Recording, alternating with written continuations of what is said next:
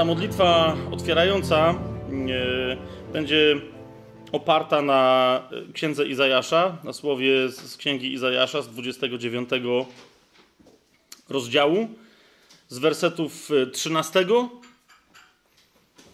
i potem 23 i 24.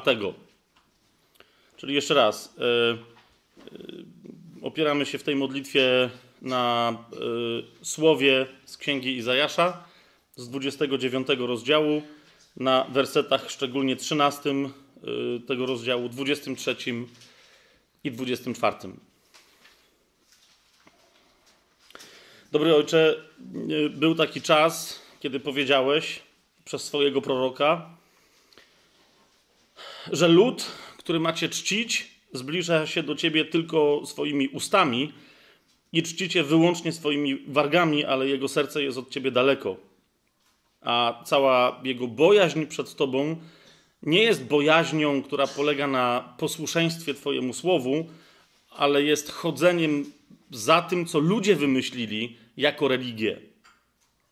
I dlatego dzisiaj, wobec tego tematu, który mamy poruszyć, proszę Cię w imieniu Jezusa Chrystusa o to, żebyś posłał do naszych serc swojego świętego ducha aby On otwierał oczy naszych serc, aby, aby napełniał nasze umysły, aby pogłębiał w nas mądrość zgodnie z Twoją wolą, żebyśmy my nigdy takim ludem nie byli, ale żebyśmy ustami wyznawali to, co naprawdę jest w naszym sercu, abyśmy wierzyli w sercu Twojemu Słowu, byli posłuszni Twojemu Słowu i aby nasze ręce, nasze usta, wszystko cokolwiek myślimy, decydujemy i czynimy w naszym życiu, było zgodne z Twoją wolą żebyśmy chcieli widzieć nie dzieła swoich rąk, e, kiedy, kiedykolwiek wokół siebie i mówić, że, że to Ciebie czci, ale żebyśmy zawsze chcieli widzieć w pośrodku nas, w Twoim świętym kościele, dzieła Twoich rąk.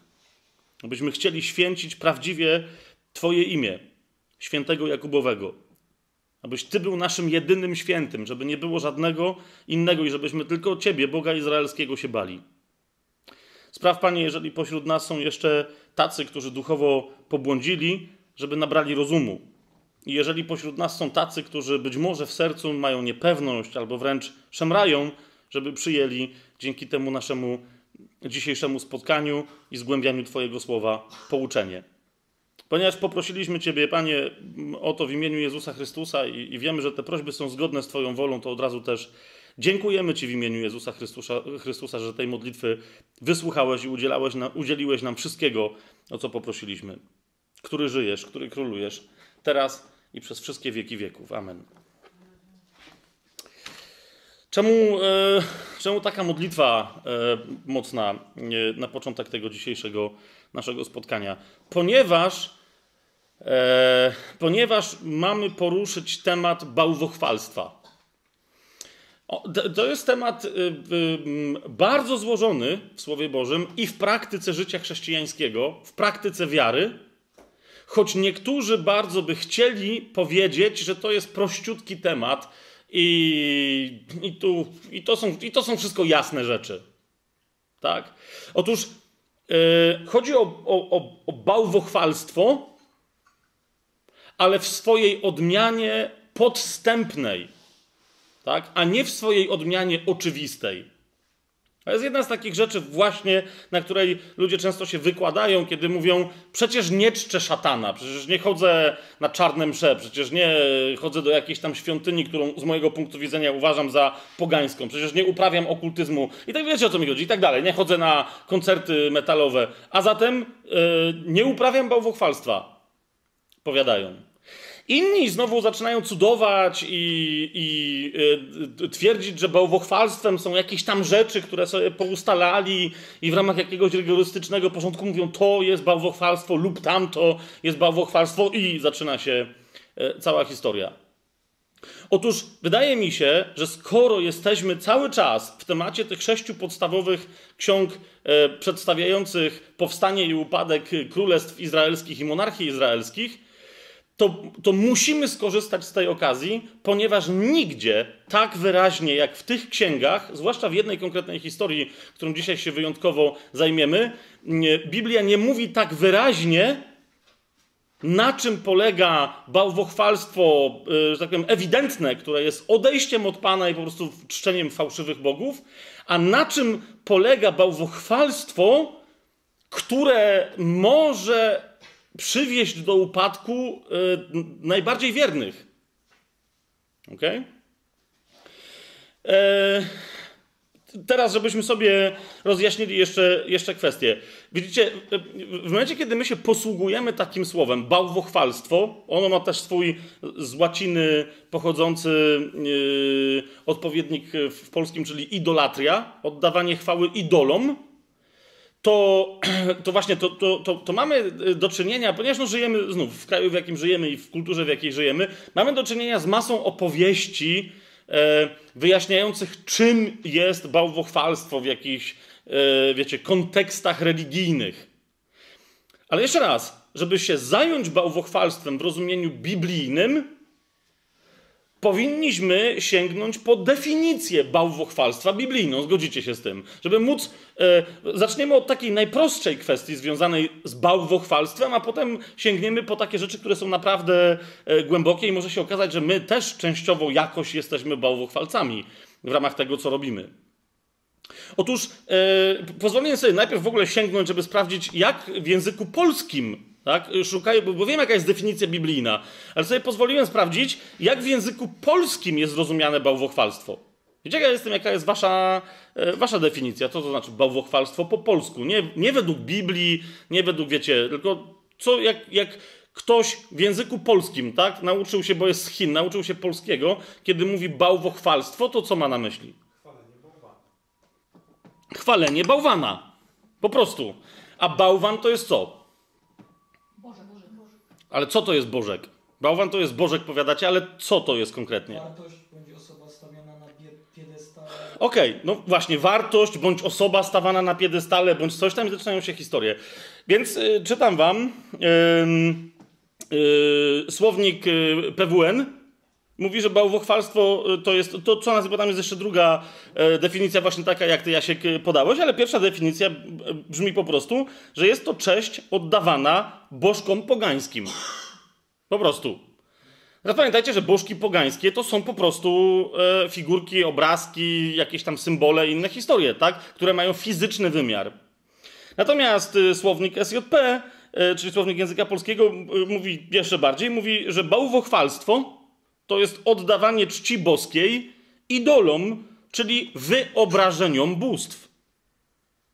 To jest, to jest, to jeszcze raz, to jest, to jest, to jest definicja słownikowa. Słownik języka polskiego, bałwochwalstwo to jest oddawanie czci boskiej idolom, czyli wyobrażeniom bóstw. Tak? A zatem, e, widzicie, już tu mamy zaznaczony e, e, pewien interesujący dysonans, a mianowicie, że nawet poganie nie byli idiotami, okay? i niekoniecznie uważali, że wyrzeźbiony z drewna perun, czy trygław, czy jakieś inne dziadostwo, że to jest ten Bóg, którego czczą. Rozumiecie, o co mi chodzi? Oni wiedzieli, że to jest jego wyobrażenie, tak? Jeżeli było 17 wyznawców Peruna i każdy sobie wyrzeźbił swoją figurkę Peruna, to przecież nie byli kretynami, że, żeby uważać, że każdy z nich czci jakiegoś innego Peruna. Tak? Każdy z nich miał tylko figurkę, która była komunikatorem. Tak? Po prostu to była gorąca linia do Peruna. I to mamy w definicji. E, teraz, co na ten temat mówi Biblia? E, no, oczywiście e, wszyscy z nas powinni e, znać dekalog, Ponieważ żyjemy w kraju, w którym wszyscy twierdzą, że się uczą dekalogu, że się uczą dziesięciu przykazań. E, ale prawda jest taka, że tych dziesięciu przykazań uczą się bez jednego przykazania. Tak? Zatem przypomnijmy sobie, jak dekalog mówi, co mówi na temat bałwochwalstwa. Okay? Druga księga Mojżeszowa, jak sobie ją otworzymy. 20 rozdział, rzecz jasna.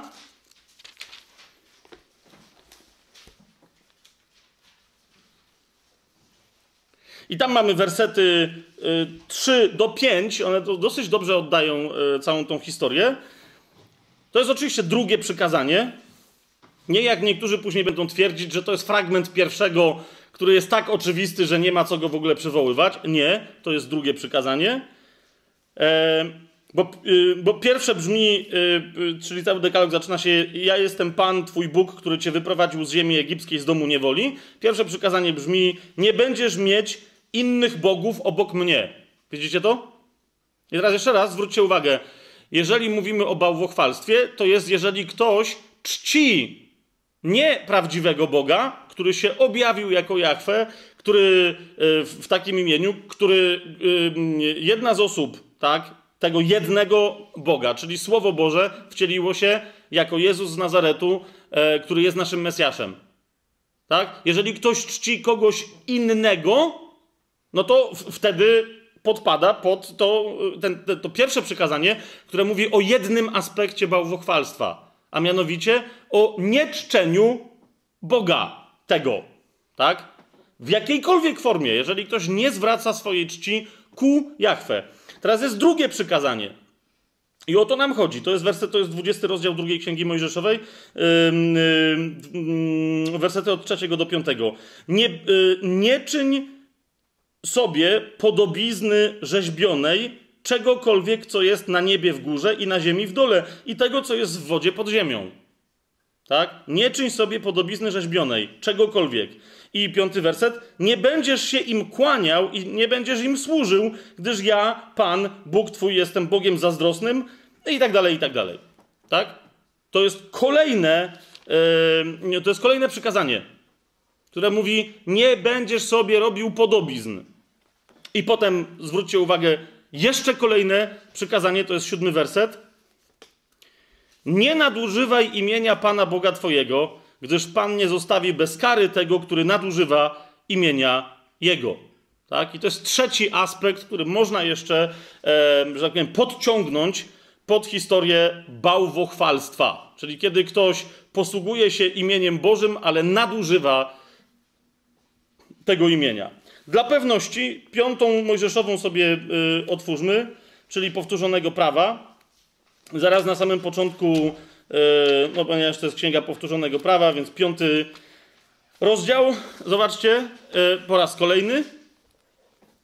Biblia dwukrotnie mówi, jak wygląda dekalog, i, i dwukrotnie nie ma takiej możliwości, żeby Biblia usunęła z tego podstawowego prawa w ramach przymierza mojżeszowego, żeby usunęła tak ważny mm, zapis. A więc piąty rozdział, zobaczmy sobie wersety yy, szósty do dziewiątego.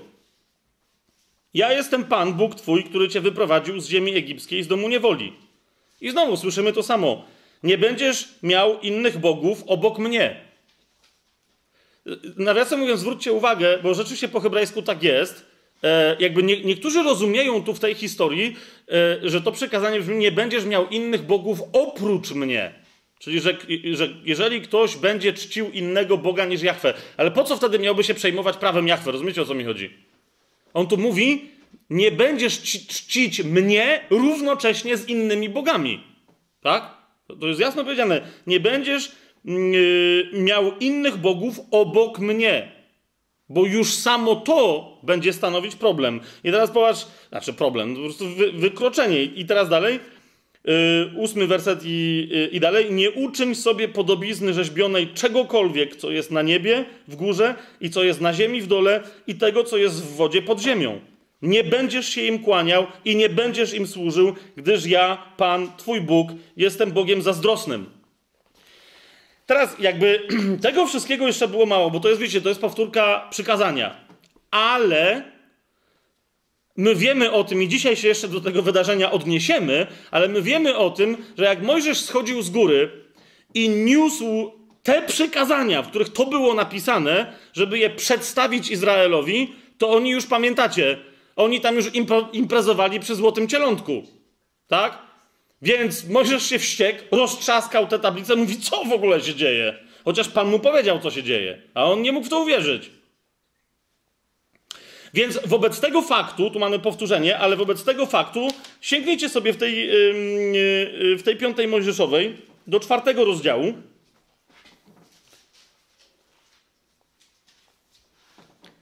I y, y, prześledźcie razem ze mną fragment, bo naprawdę niektórzy jeszcze mówią, ale wyobrażenia, to, coś tam. Y, no, no cze, czego tu jeszcze można nie zrozumieć? Piąta Mojżeszowa, czwarty rozdział, od 15 do 20 wersetu. Strzeżcie usilnie waszych dusz, gdyż nie widzieliście żadnej postaci, gdy Pan mówił do was na chorebie spośród ognia. Abyście nie popełnili grzechu i nie sporządzili sobie podobizny rzeźbionej, czy to w kształcie mężczyzny, czy kobiety, czy w kształcie jakiegokolwiek zwierzęcia, które jest na ziemi, czy w kształcie jakiegokolwiek skrzydlatego ptaka, który lata pod niebem, czy w kształcie czegokolwiek, co pełza po ziemi, czy w kształcie jakiejkolwiek ryby, która jest w wodzie pod ziemią. I abyś, gdy podniesiesz swoje oczy ku niebu i ujrzysz słońce, księżyc i gwiazdy, cały zastęp niebieski, nie dał się zwieść i nie oddawał im pokłonu i nie służył im, skoro Pan Twój Bóg przydzielił je wszystkim ludom pod całym niebem. Lecz was zabrał Pan i wyprowadził z żelaznego pieca z Egiptu, abyście byli mu jego własnym ludem, jak to jest dzisiaj. Mamy jasność? Oczywiście, że doskonale czytamy Biblię, e, znacie Pismo Święte i wiecie, że takich fragmentów, które mówią o tym, żeby nie czynić obrazu, e, mamy mnóstwo.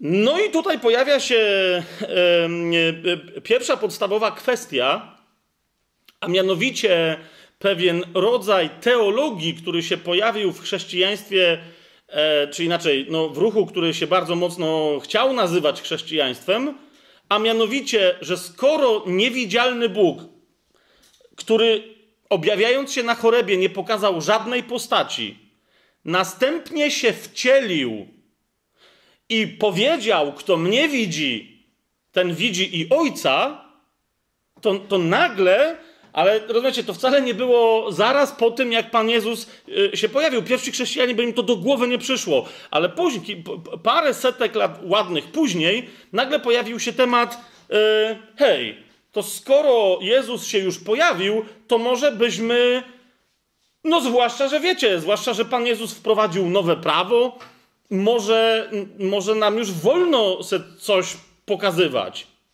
Zwłaszcza, że przecież jesteśmy inteligentni, jesteśmy sprytni i przecież do, rozumiemy doskonale, że czcząc Boga przy pomocy jakiegoś symbolu, figury, obrazu, jakiejś alegorii wymalowanej i tak dalej, przecież my wiemy, że ona jest martwa. I my tylko poprzez nią dla pewnego ułatwienia czcimy Boga.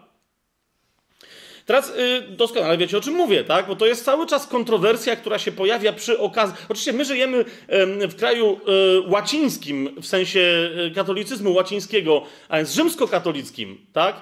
Y, nieco, nieco inaczej tylko wygląda, sprawa w kościołach prawosławnych, czy na wschodzie, który nie jest prawosławny, tak? E, bo na przykład tam jakaś, e, z tego co pamiętam, istnieje taka kontrowersja, że e, kościoły prawosławne przyjmują, że można malować obrazy, ale już nie można robić figur. Tak? Kościół katolicki mówi, że dobra, co za różnica, obraz, figura, jak już się godzimy, to się godzimy, to i tak na to samo wychodzi. Tak? Więc teraz najpierw zajmijmy się tą kwestią.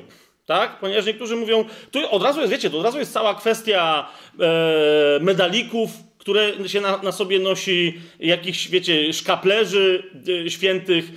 Inni, bo są też, wiecie, kościoły protestanckie, które na przykład y, mówią, że to jest krzyż i teraz przed tym krzyżem masz się kłaniać, tak?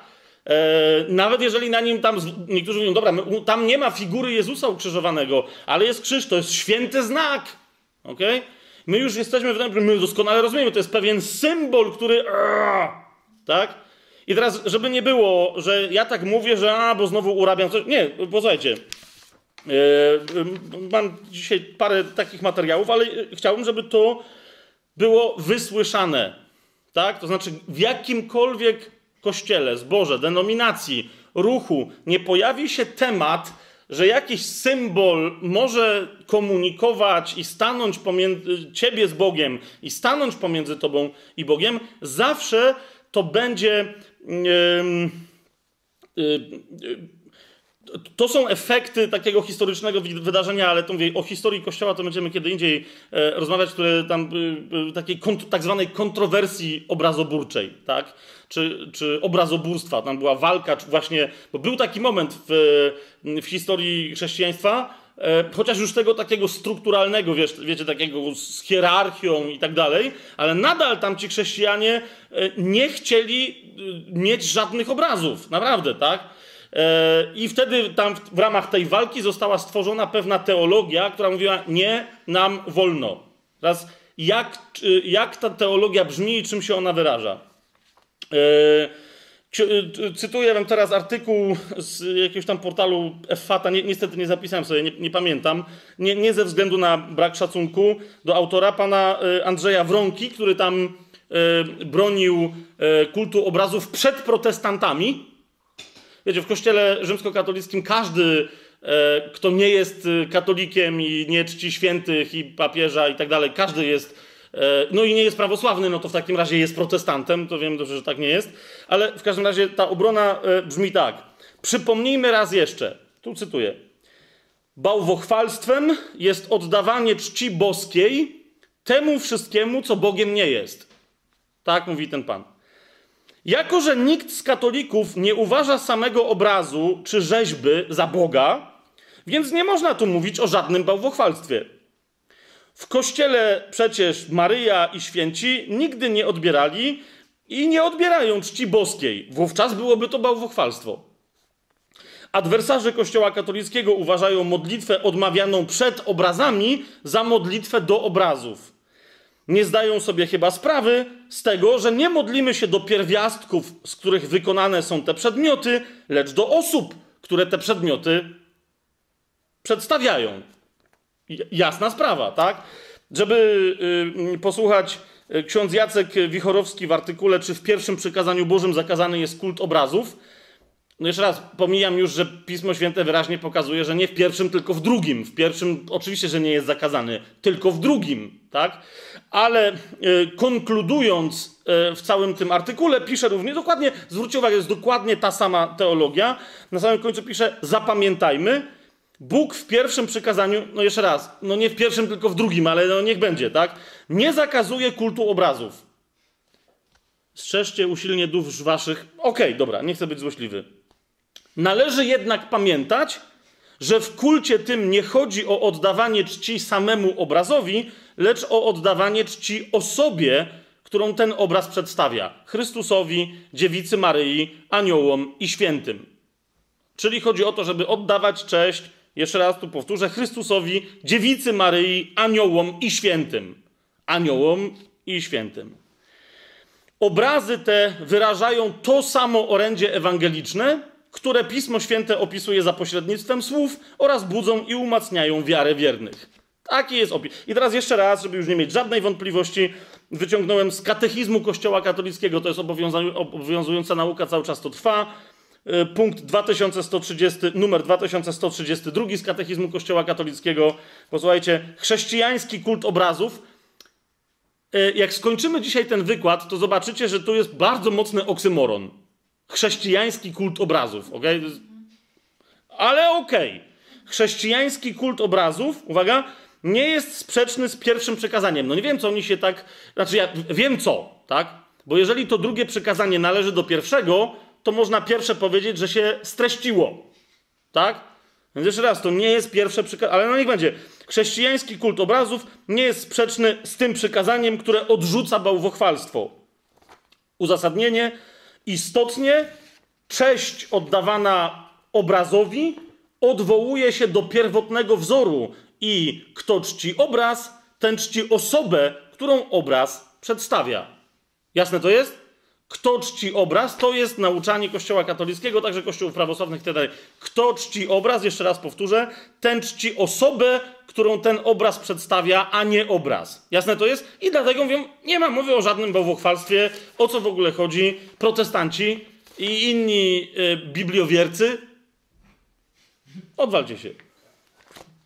I teraz jeszcze raz, mi nie chodzi o to, żeby atakować Kościół katolicki, tylko chcę wam pokazać, w ramach, i to jest bardzo istotne zagadnienie, bo często jest tak, że wiecie, ludzie wierzący Biblii potem mówią, ale Bóg w drugim przykazaniu powiedział, no po czym mówią, no dobrze, ale Bóg w ogóle, y, my bazujemy na prawie, mamy żyć według pewnych praw, według prawa miłości, które Pan Jezus nam e, przekazał, ale tak, jak On je nam przekazał, a nie według prawa mojżeszowego. Więc niektórzy mówią, ha, ha, ha, przecież to już nie obowiązuje i być może właśnie doszło do zamiany. Tak? I jeszcze raz, przecież ja czczę Boga, a nie obraz. Albo czczę tam świętych, a nie obraz. Chodzi mi o to, że w tym jednym konkretnym zagadnieniu niektórzy sobie nie potrafią poradzić, jak biblijnie więc wyjaśnić, o co tu biega, i teraz co gorsza, jak w tym nie potrafią sobie poradzić, to potem się nagle okazuje, że w paru innych zagadnieniach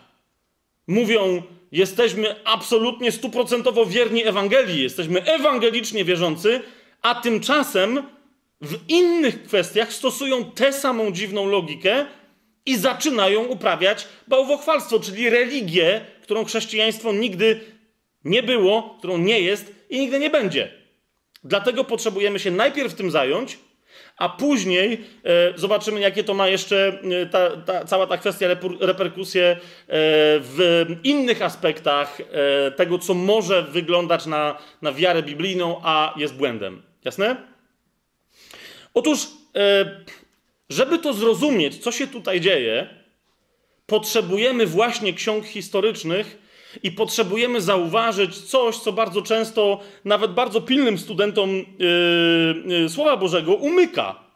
Mianowicie, że w księgach historycznych pojawia się wątek, i naprawdę wątek, ale nie tylko wątek, ale wręcz zostało ukute jedno określenie, które określa pewną konkretną rzeczywistość, mianowicie grzech Jeroboama. Ok? Grzech Jeroboama, który jest odróżniony następnie od grzechu Achaba. Otóż, jeżeli nie zrozumiemy, bo potem niektórzy mówią, że ale to jest to samo, to byli bałwochwalcy, nie czcili Boga. Jeszcze raz.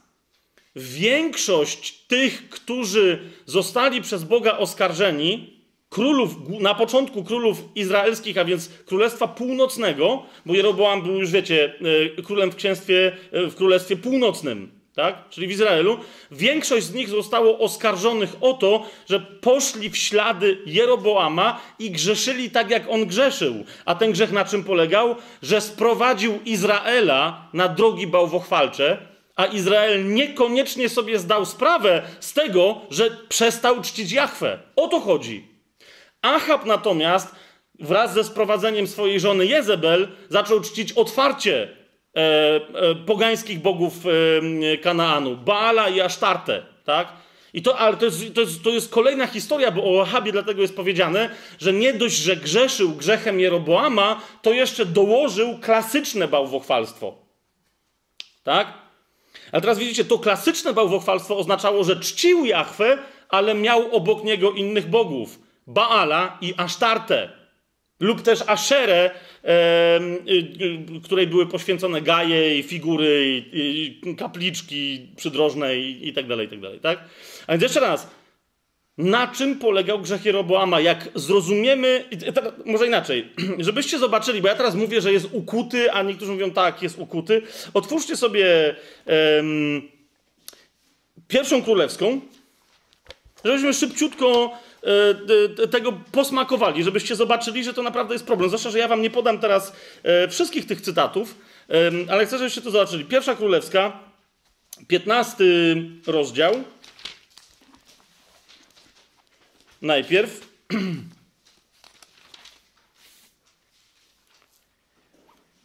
I zobaczcie sobie werset 25 y, i 26.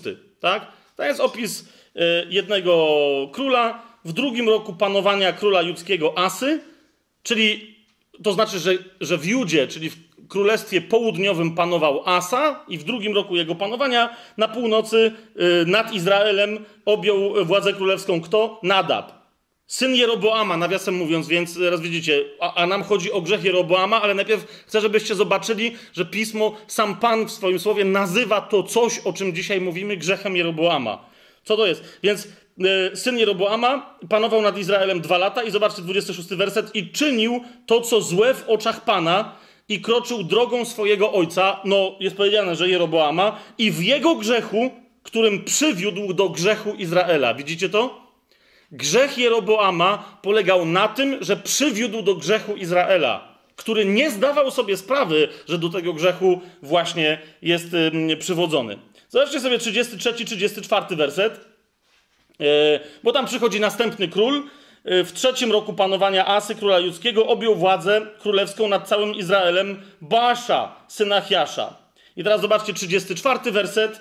Lecz czynił to, co złe w oczach Pana i kroczył drogą kogo? Jeroboama i w jego grzechu, którym przywiódł Izraela do grzechu. Widzicie to?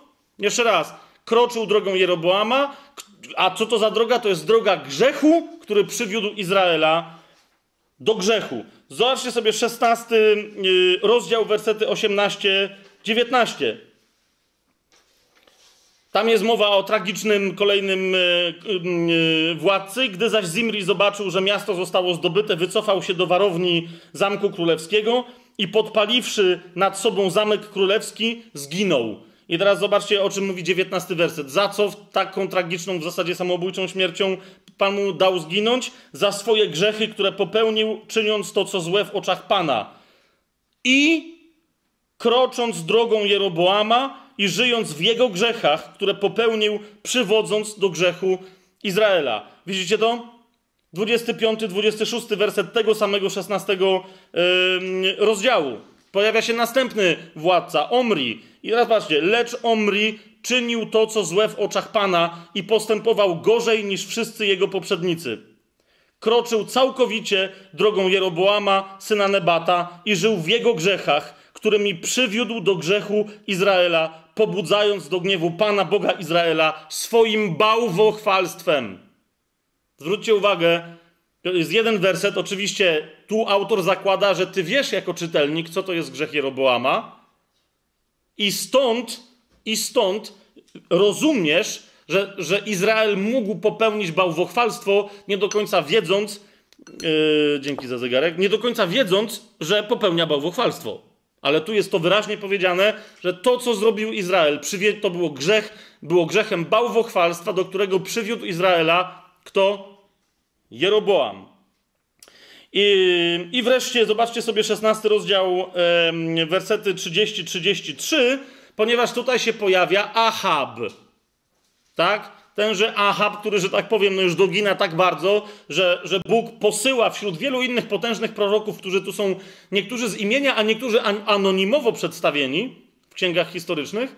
E, Pan posyła wielkiego e, Eliasza i on głównie za, za jego e, czasów dokonuje swoich pierwszych znaków, tak? Ale zobaczcie, co jest o nim powiedziane. Lecz Ahab, syn Omriego, to jest 16 rozdział pierwszej królewskiej, 30, y, werset 30 i następne. Zobaczcie, lecz Achab, syn Omriego, postępował w oczach Pana jeszcze gorzej niż wszyscy jego poprzednicy. I teraz na czym polega to jeszcze gorzej? Niczym to jeszcze było, że chodził w grzechach Jeroboama, syna Nebata. A więc widzicie, to była pierwsza rzecz, a więc poszedł za Jeroboamem i robił to samo, co on.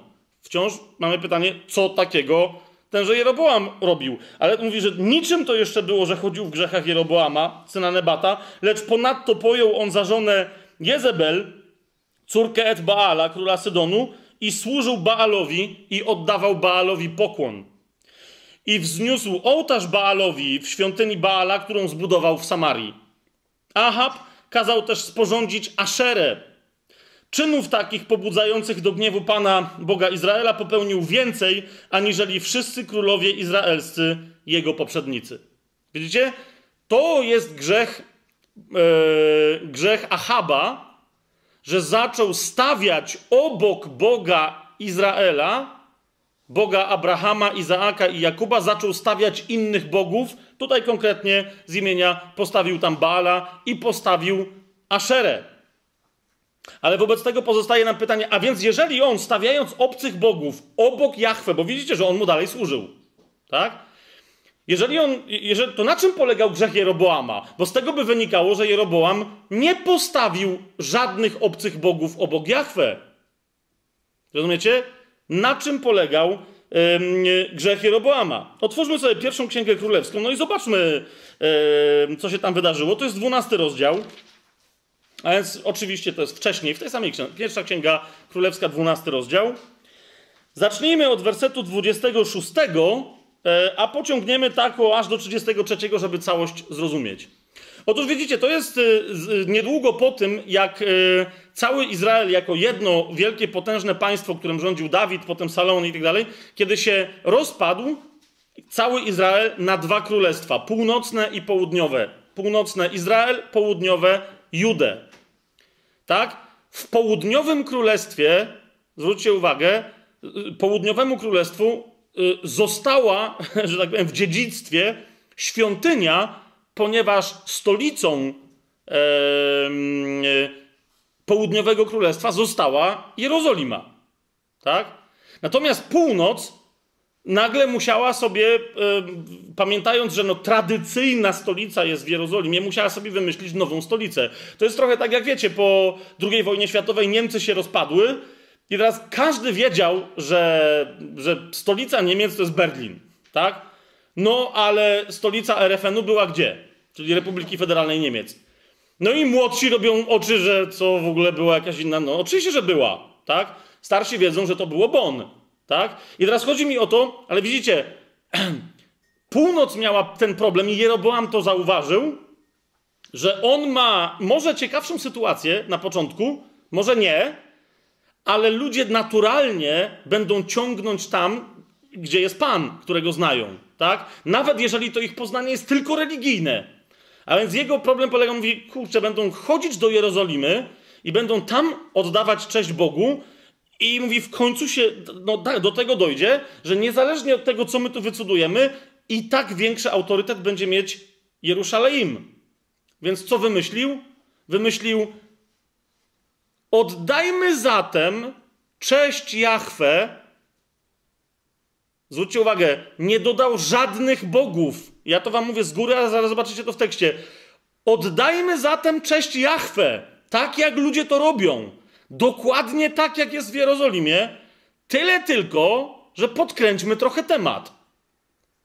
Czyli wymyślmy swoje obrzędy, ustalmy swoje święto, żeby nie było konkurencji, tak? Jak niektórzy będą dalej chodzić do Jerozolimy, to niech tam chodzą. A my trzy miesiące później odpust mamy u siebie. Tak? Czy jak to tam chcecie nazwać? To był jego koncept. I teraz uważajcie, co się dzieje. Ponieważ wraz z tym konceptem pojawił się jeden, o, który, dobra, nie był jego oryginalnym wymysłem. Yy, zerknijcie. To jest 12 rozdział pierwszej Księgi Królewskiej, czytamy od 26 wersetu. Patrzcie, co tutaj się dzieje. Jak Jeroboam zobaczył, że jest problem, to mówi tak. Yy, wtedy przyszło Jeroboamowi na myśl, łatwo może teraz wrócić władza królewska do domu Dawidowego, czyli do Jerozolimy. Jeżeli bowiem lud ten będzie chodził składać ofiary do domu Pana, do Jerusalem, przylgnie z powrotem serce tego ludu do ich pana, w sensie w domyśle tutaj władcy, Rahabeama, króla judzkiego, i wtedy, zabiwszy mnie, powrócą do Rahabeama, króla judzkiego. Czyli y, Jerobam mówi, jeszcze, no, czyli nie daj Boże, ja zginę, a oni doprowadzą z powrotem do, y, do jedności. O, mówi, nie, nie, nie, to nie po to myśmy się odłączali, żebym miał tak nędznie skończyć. Naradziwszy się tedy, i widzicie, tu się rozpoczyna grzech Jeroboama. I zaraz sobie rozbijemy, na czym on dokładnie polega, ale czytajmy. Naradziwszy się tedy, kazał król sporządzić dwa cielce ze złota. Widzicie, co jest grane? On już miał wzorzec w historii yy, z poprzednich czasów, tak? Kazał król sporządzić dwa cielce ze złota. Teraz pytanie brzmi, ale czemu dwa? No bo w historii, którą pamiętamy, tam był jeden cielec.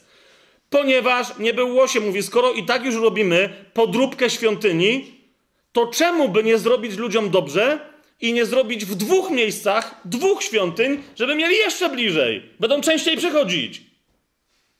Zobaczcie, naradziwszy się tedy, kazał król sporządzić dwa cielce ze złota i ogłosić ludowi: Dosyć już napielgrzymowaliście się do Jeruzalemu. Oto bogowie twoi, Izraelu, którzy cię wyprowadzili z ziemi egipskiej. Teraz uważajcie, bo tu tłumaczenie jest jakie jest, dlatego że tłumaczowi naprawdę przez myśl nie przeszło, że, no, że, że to nie jest, że, że tu Jeroboam jest takim łosiem, że nie wie co robi, że to jest bałwochwalstwo. Ale widzicie, jak sobie zobaczymy oryginalny e, hebrajski tekst, to w języku hebrajskim jest napisane: Oto Twój Elohim, Izraelu, który cię wyprowadził z ziemi egipskiej, z domu niewoli. Chodzi o to, że Bóg, czyli Elohim, zawsze w języku hebrajskim jest w liczbie mnogiej. Wiecie o co mi chodzi? Elohim to jest liczba mnoga od tam jakiejś liczby pojedynczej, która się w ogóle nie używa w Biblii. Bóg, jeżeli jest o nim mowa zawsze, Adonai, Elohim, Adonai jest w liczbie mnogiej Pan, a Elohim tłumaczymy jako Bóg, ale de facto to jest liczba mnoga. I teraz i on tu mówi dokładnie to. On mówi: Oto jest twój Adonai, Elohim, który cię wyprowadził z ziemi egipskiej, z domu niewoli. I pokazuje co? Cielątko. Oczywiście tym, którzy byli, wiecie, bo tam były y, y, dwa te, tak? Zobaczcie, 29 werset. I kazał jednego ustawić w Betelu, a drugiego ustawił w Dan. Więc prawdopodobnie w Betelu pokazał ludziom, którzy tam przyszli i mówi, mówi, to jest Elohim. To wszystko gra, tak? Który, pamiętacie, przecież to nasi też, to złoty cielec? W czym jest problem? Przecież to był symbol naszego Boga od zawsze. Co, nie pamiętacie? Nie czytaliście tego w Księdze Mojżeszowej? Może nie pamiętacie w której, ale pamiętacie, że tam było cielątko, nie? No i wszyscy, no, to chyba było. No to o co chodzi?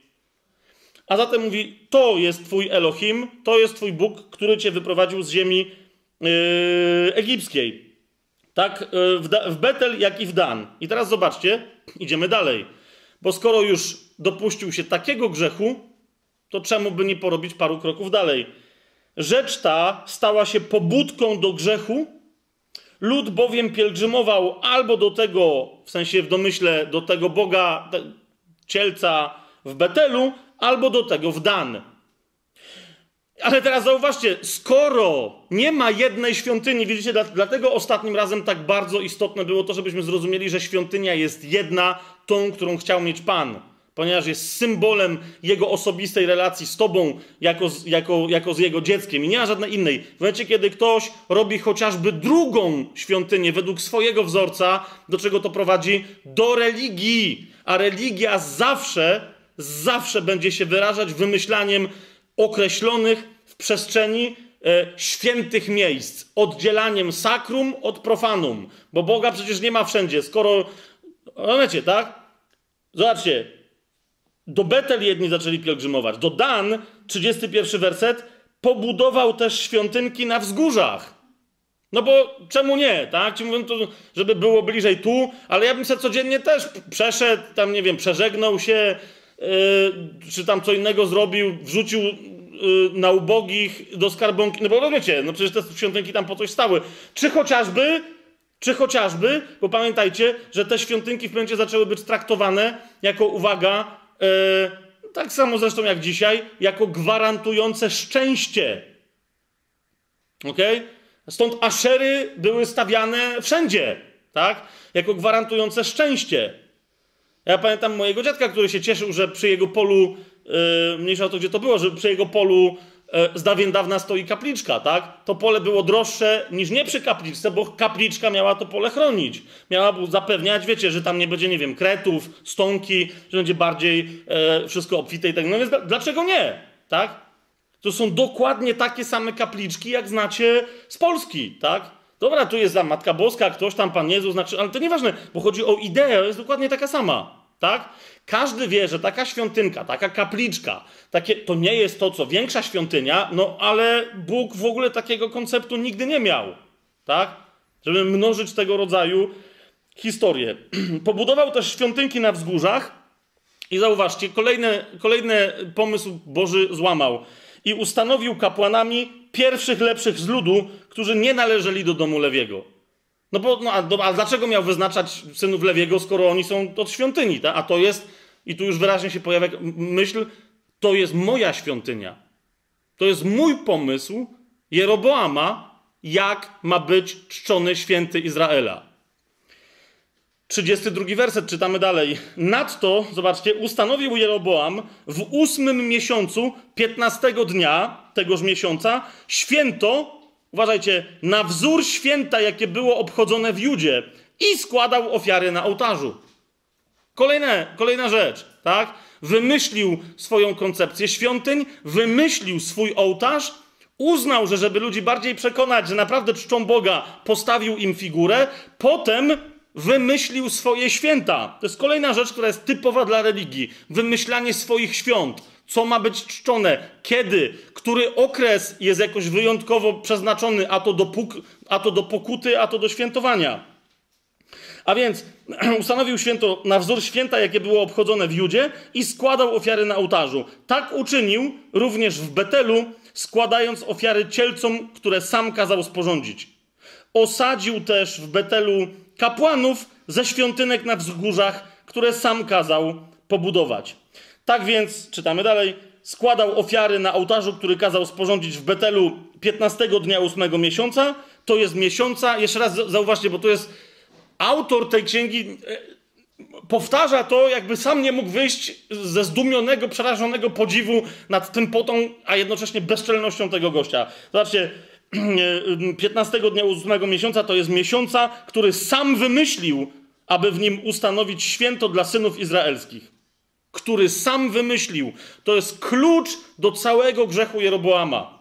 Zauważcie, yy, składał ofiary na ołtarzu, składając też ofiarę z kadzidła. Czy widzicie tutaj gdzieś obcych bogów? Czy widzicie tutaj gdzieś obcych bogów? No ktoś powie, no są cielęta. No zaraz jeszcze do tego dojdziemy. Zwróćcie uwagę, e, do prawdziwego wyznania, którego Bóg się domagał, on mówi, ja wam powiedziałem, co robić, tylko bądźcie temu posłuszni. To będzie wszystko. Ten, wszystko się tutaj zgromadza do stwierdzenia, sam sobie wymyślił. Ten sam sobie wymyślił, jak Bóg ma być czczony. Powiedział, to mnie nie interesuje, co Bóg powiedział, jak ma być czczony. Ja mam interes swój, polityczny interes i w związku z tym potrzebuję, żeby Bóg był czczony w taki konkretnie określony sposób. Teraz, oczywiście, niektórzy powiedzą, no, ale naprawdę, zaraz, zaraz y, sobie przy pomocy Słowa Bożego udowodnimy, że oni naprawdę myśleli, że tak wolno robić. Oni naprawdę, dlaczego? Ponieważ literalnie tam nie było żadnego innego Boga. Oni wzywali imienia Jahwe, tego, który ich wyprowadził e, z ziemi egipskiej, z domu niewoli. Rozumiecie? Może nawet żyli według przykazań pozostałych i tak dalej. Tylko, tylko ta jedna rzecz drobna się zmieniła, tak? Że ofiary składali przed cielcem. Ale nawet ta kwestia, zwróćcie uwagę, niektórzy powiedzieliby, opierała się na Piśmie Świętym. Przypomnijmy sobie tamtą historię z tym oryginalnym cielcem, żebyście zobaczyli, że tam też Bóg się wkurzył nie o to, że, bo niektórzy tak tam tą historię przedstawiają, że Mojżesz jeszcze gadał z Bogiem na Syjonie, a Izrael zaczął czcić innego Boga. Pamiętacie to, tak? Tak jest często w różnych yy, kazaniach, katechezach i tak dalej, tak jest tam ta historia przedstawiana, że cielec to był inny Bóg i to dlatego Bóg się zdenerwował, że to jest bałwochwalstwo. Otóż sięgnijmy tam, to jest oczywiście druga Mojżeszowa, zobaczmy, że tam to Jeroboam powtarza tak naprawdę grzech Aarona, który posłuchał Izraela, domagającego się zrobienia im z relacji z Bogiem religii. Oni nie chcieli wyznawać innego Boga. Mieli Boga, który ich wyprowadził z Egiptu, widzieli cuda, nie byli głupi. Oni tylko chcieli mieć coś bezpiecznego w swoim życiu. Wiecie, bo to się zawsze stąd bierze, tak? Że ludzie, e, ludzie chcą wiedzieć, to co mam robić? To, to co ja mam robić, żeby tego Boga dobrze uczcić? Po ostatnim materiale, tym poświęconym świątyni, ktoś skomentował, nie, nie że tam jakoś złośliwie czy coś, tylko ja o to odebrałem jako, rozumiecie, takie autentycznie, takie przestraszone trochę może nawet wołanie. To była jakaś, jakaś tam pani to skomentowała, tak? Ona napisała, mówi, ale to to, czego wy tu nauczacie, to jest chyba tylko dla młodych ludzi. Bo jak się ma nawrócić stary człowiek? Mówi, to ja tyle sakramentów już przejęłam w kościele katolickim, już mnie znają, e, jak chodzę do, do tam kościoła takiego czy innego. Dzieci posłałam do pierwszej komunii. Tak, rozumiecie, o co mi chodzi? Ja mówię, jak ja mam teraz, jak ja mam teraz się nawrócić? I, i, a, a drugie pytanie, które często się pojawia, to jeżeli nie taki kult, przecież zobacz, w tym kościele katolickim, czy prawosławnie też to mówię, jest tak pięknie, jest takie, wiesz, taka, takie sakrum jest, to jest takie wszystko, wiesz, to są symbole, ale to się tym nie przejmuj, bo to my rozumiemy, że za tymi symbolami coś tam jest. To jeżeli nie to, to co ja wtedy mam robić? I teraz widzicie, pierwszy raz takie pytanie, no czy oni sobie go nie zadali, bo oni od razu sobie zadali pytanie, co mamy robić i od razu sobie odpowiedzieli, tak? To byli Izraelici, którzy nagle zostali osamotnieni, ponieważ Mojżesz poszedł na górę i go nie było 40 dni. I oni mówią, no ale zaraz, 40 e, dni, a nie my do kościoła nie poszli. Teraz chodzi mi o to, że, Laura, nie, nie przeginaj, idzie mi o to, że oni w Egipcie byli do tego zmuszani, tak? Do tego, żeby oddawać cześć fałszywym bogom. To Biblia o tym mówi wyraźnie, tak? I, i teraz ani nie, nie, bardzo wiemy, to nic nie robić w szabat, ale coś, no to nic nie robimy, ale może by coś jednak zrobił, no bo wiesz, Bóg, my jesteśmy religijnymi ludźmi, przecież Bóg nas wyprowadził z Egiptu. Chcielibyśmy coś robić. Dajcie nam coś do ręki. Żebyśmy mieli przebierać co w tej ręce, tak? Dajcie nam coś na szyję, połóżcie nam coś na głowę, każcie nam coś zrobić, pójść do przodu, cofnąć się, wstać, Pan z wami, z duchem Twoim, klęknąć. Nie wiem co, każcie nam coś robić, żebyśmy wiedzieli, że czcimy Boga. A Bóg cały czas im mówi, ale to jest relacja.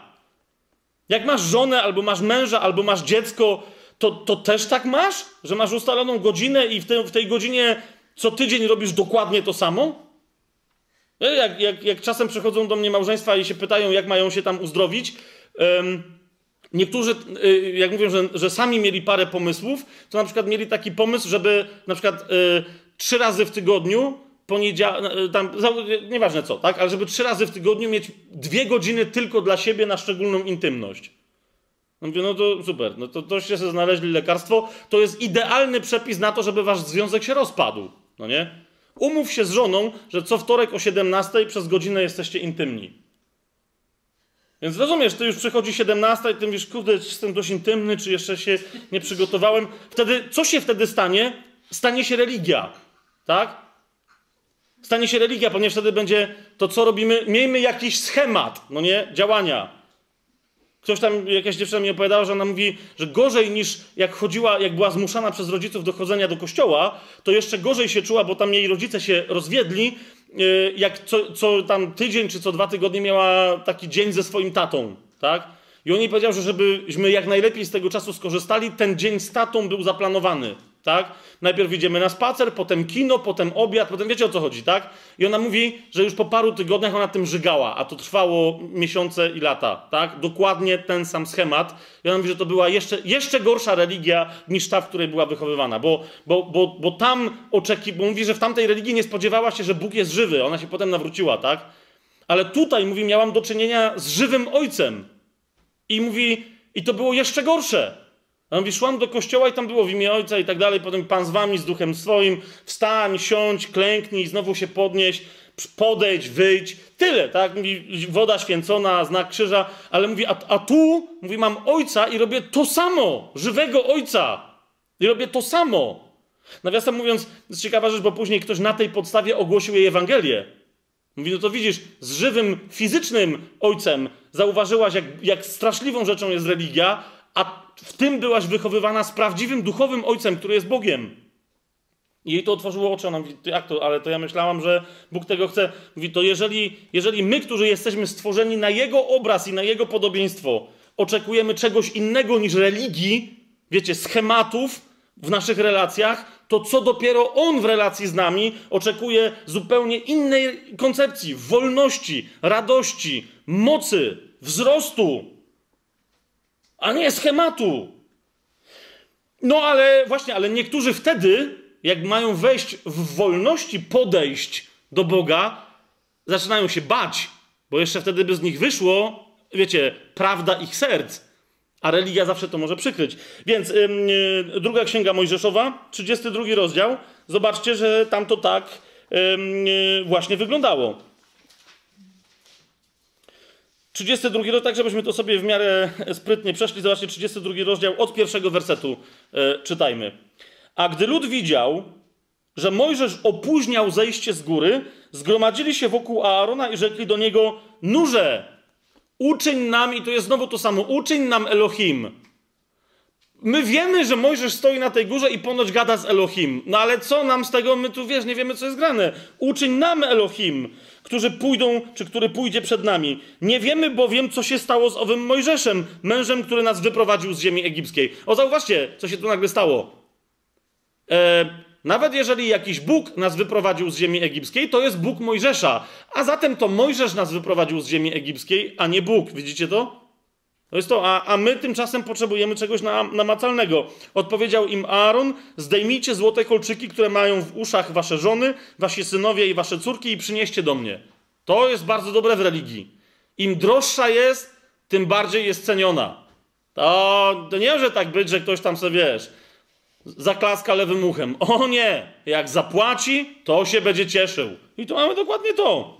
I pozdejmował cały lud złote kolczyki, które mieli w uszach swoich i przynieśli je do Aarona. Przyjął je z ich rąk i ulał z tego w formie w formie z gliny posąg cielca. Wtedy oni rzekli: Oto jest Twój Elohim Izraelu. To jest dokładnie to samo, co potem Jeroboam mówi do swojego ludu, pokazując im dokładnie takiego samego złotego cielca na wzór egipskiego. Mówi, o to jest twój Elohim Izraelu, który cię wyprowadził z ziemi egipskiej. Widzicie?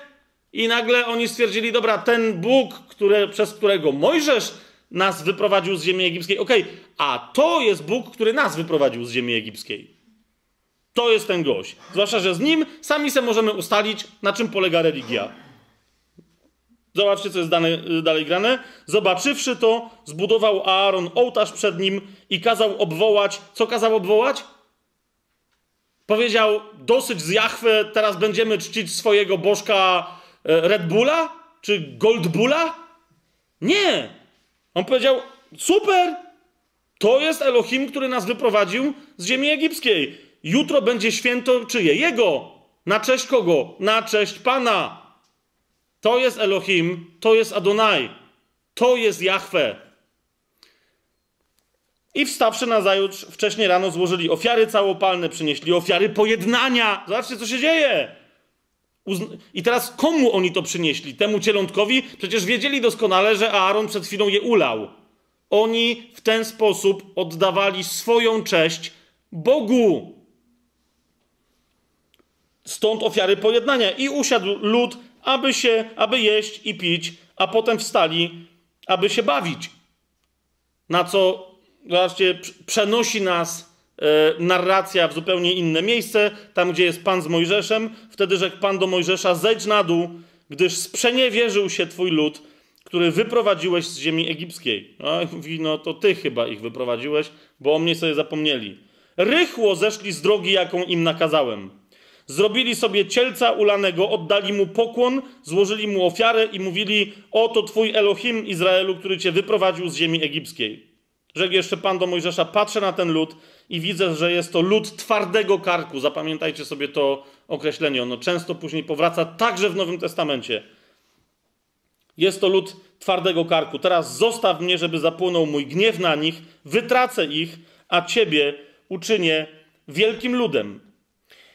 E, potem wiemy, że, zobaczcie, 31 werset, bo potem Mojżesz tam zaczął gadać, nie, jak ich zobaczył, to go tam coś trafiło. I teraz zobaczcie 31 werset.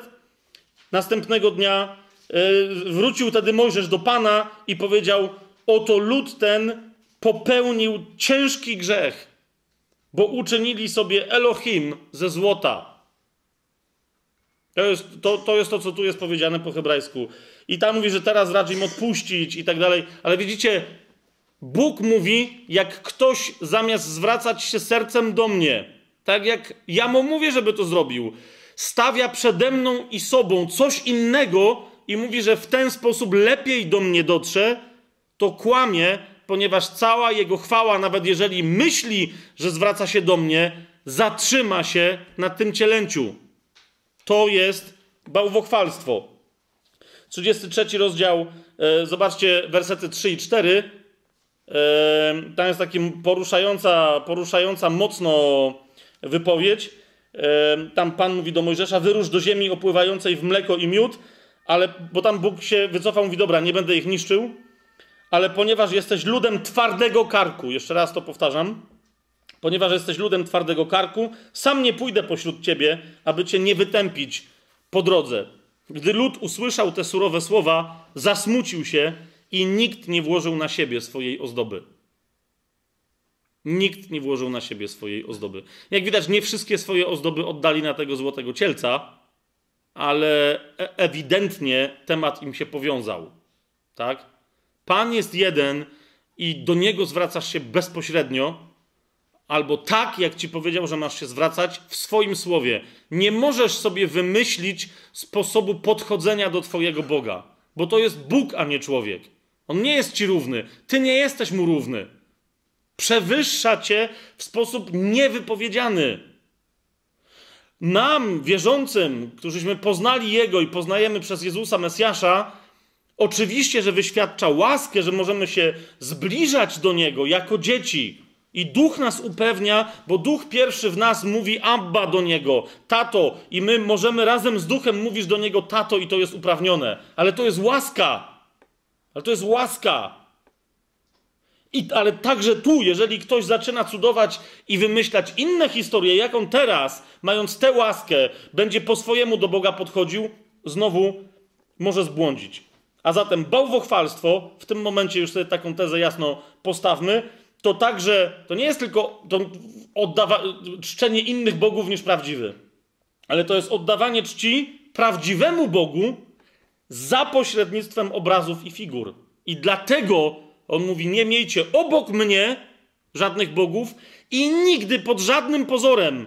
Nieważne, czy powiecie, że czcicie kogoś, czy że czcicie mnie, pod żadnym pozorem.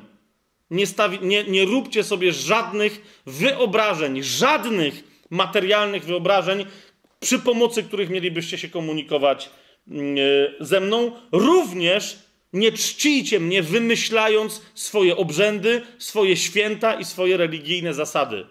Albo nauczcie się ich ode mnie, albo lepiej, żebyście nic nie robili, niż żebyście zmuszali mnie, żebym ja was wysłuchiwał przez e, obrzędy i ceremonie, które wyście sobie mm, e, wytworzyli. Teraz niektórzy powiedzą, no hola hola, bo może jednak oni tam, może jednak oni tam yy, naprawdę czcili cielca i oni się, na, na, to, nie, to nie wynika jasno z tego tekstu. Okej, okay. otwórzmy sobie yy, drugą królewską. Yy, chciałbym, żeby, yy, bo mówię, tezę stawiam, a, a, a teraz yy, dlatego, że wiem, co będzie dalej. I Izrael z Aaronem, i Jeroboam, kiedy stawiali cielce, chcieli czcić Jachwę. Nie czcili żadnych innych bogów. Ok? A Bóg powiedział: To jest złe, jeżeli tak robicie. Teraz w drugiej królewskiej, tam jest w ogóle cała, cały 17 rozdział, który, bo ktoś mnie zapytał, czy to, co ja mówiłem kiedyś o tym rozdziale dwóch królestw, i że północne królestwo poszło do niewoli asyryjskiej, a potem jeszcze Juda trwała, a coś, czy to jest gdzieś tam opisane, to jest właśnie druga księga królewska, 17 rozdział. Tak? Ehm, i, i, tam jest też wyjaśnione, to, bo, bo to, to również jest opisane w Biblii, że Samarytanie to są Żydzi wymieszani e, z innymi ludami, których Syryjczycy, Asyryjczycy tam sprowadzili i że, no, bo tam Bóg w pewnym momencie ich tam zaatakował lwami, o czym między innymi ten 17 rozdział mówi, że oni sobie przyswoili w dziwaczny sposób, e, właśnie na swój sposób, że sobie przy, wymyślili, jak można czcić Jachwę, żeby go e, udobruchać. Ale zacznijmy od wersetów w tym 17 rozdziale, od 9 czytajmy aż do 18. Zobaczcie, jakie oskarżenie pada, yy, Słowo Boże wystosowuje yy, pod adresem Izraela, czyli Królestwa Północnego. Tak? Nie oskarża ich, że czcili fałszywych bogów Królestwa Północnego uprawiającego grzech Jeroboama. Zobaczcie, nie oskarża ich o to, że czcili innych bogów. Ale o co? Zobaczcie, 17 rozdział, druga królewska, 9 werset. Wymyślili sobie synowie izraelscy rzeczy niewłaściwe o Panu Bogu swoim. Widzicie to? I do tego należy przedstawianie Boga pod postacią czegokolwiek, w tym wypadku złotego cielca, i, cało, i cała reszta religii, która została tam wymyślona. Wymyślili sobie synowie izraelscy rzeczy niewłaściwe o Panu Bogu swoim, pobudowali sobie kapliczki na wzgórzach we wszystkich swoich miejscowościach, począwszy od baszty strażniczej aż do grodu warownego.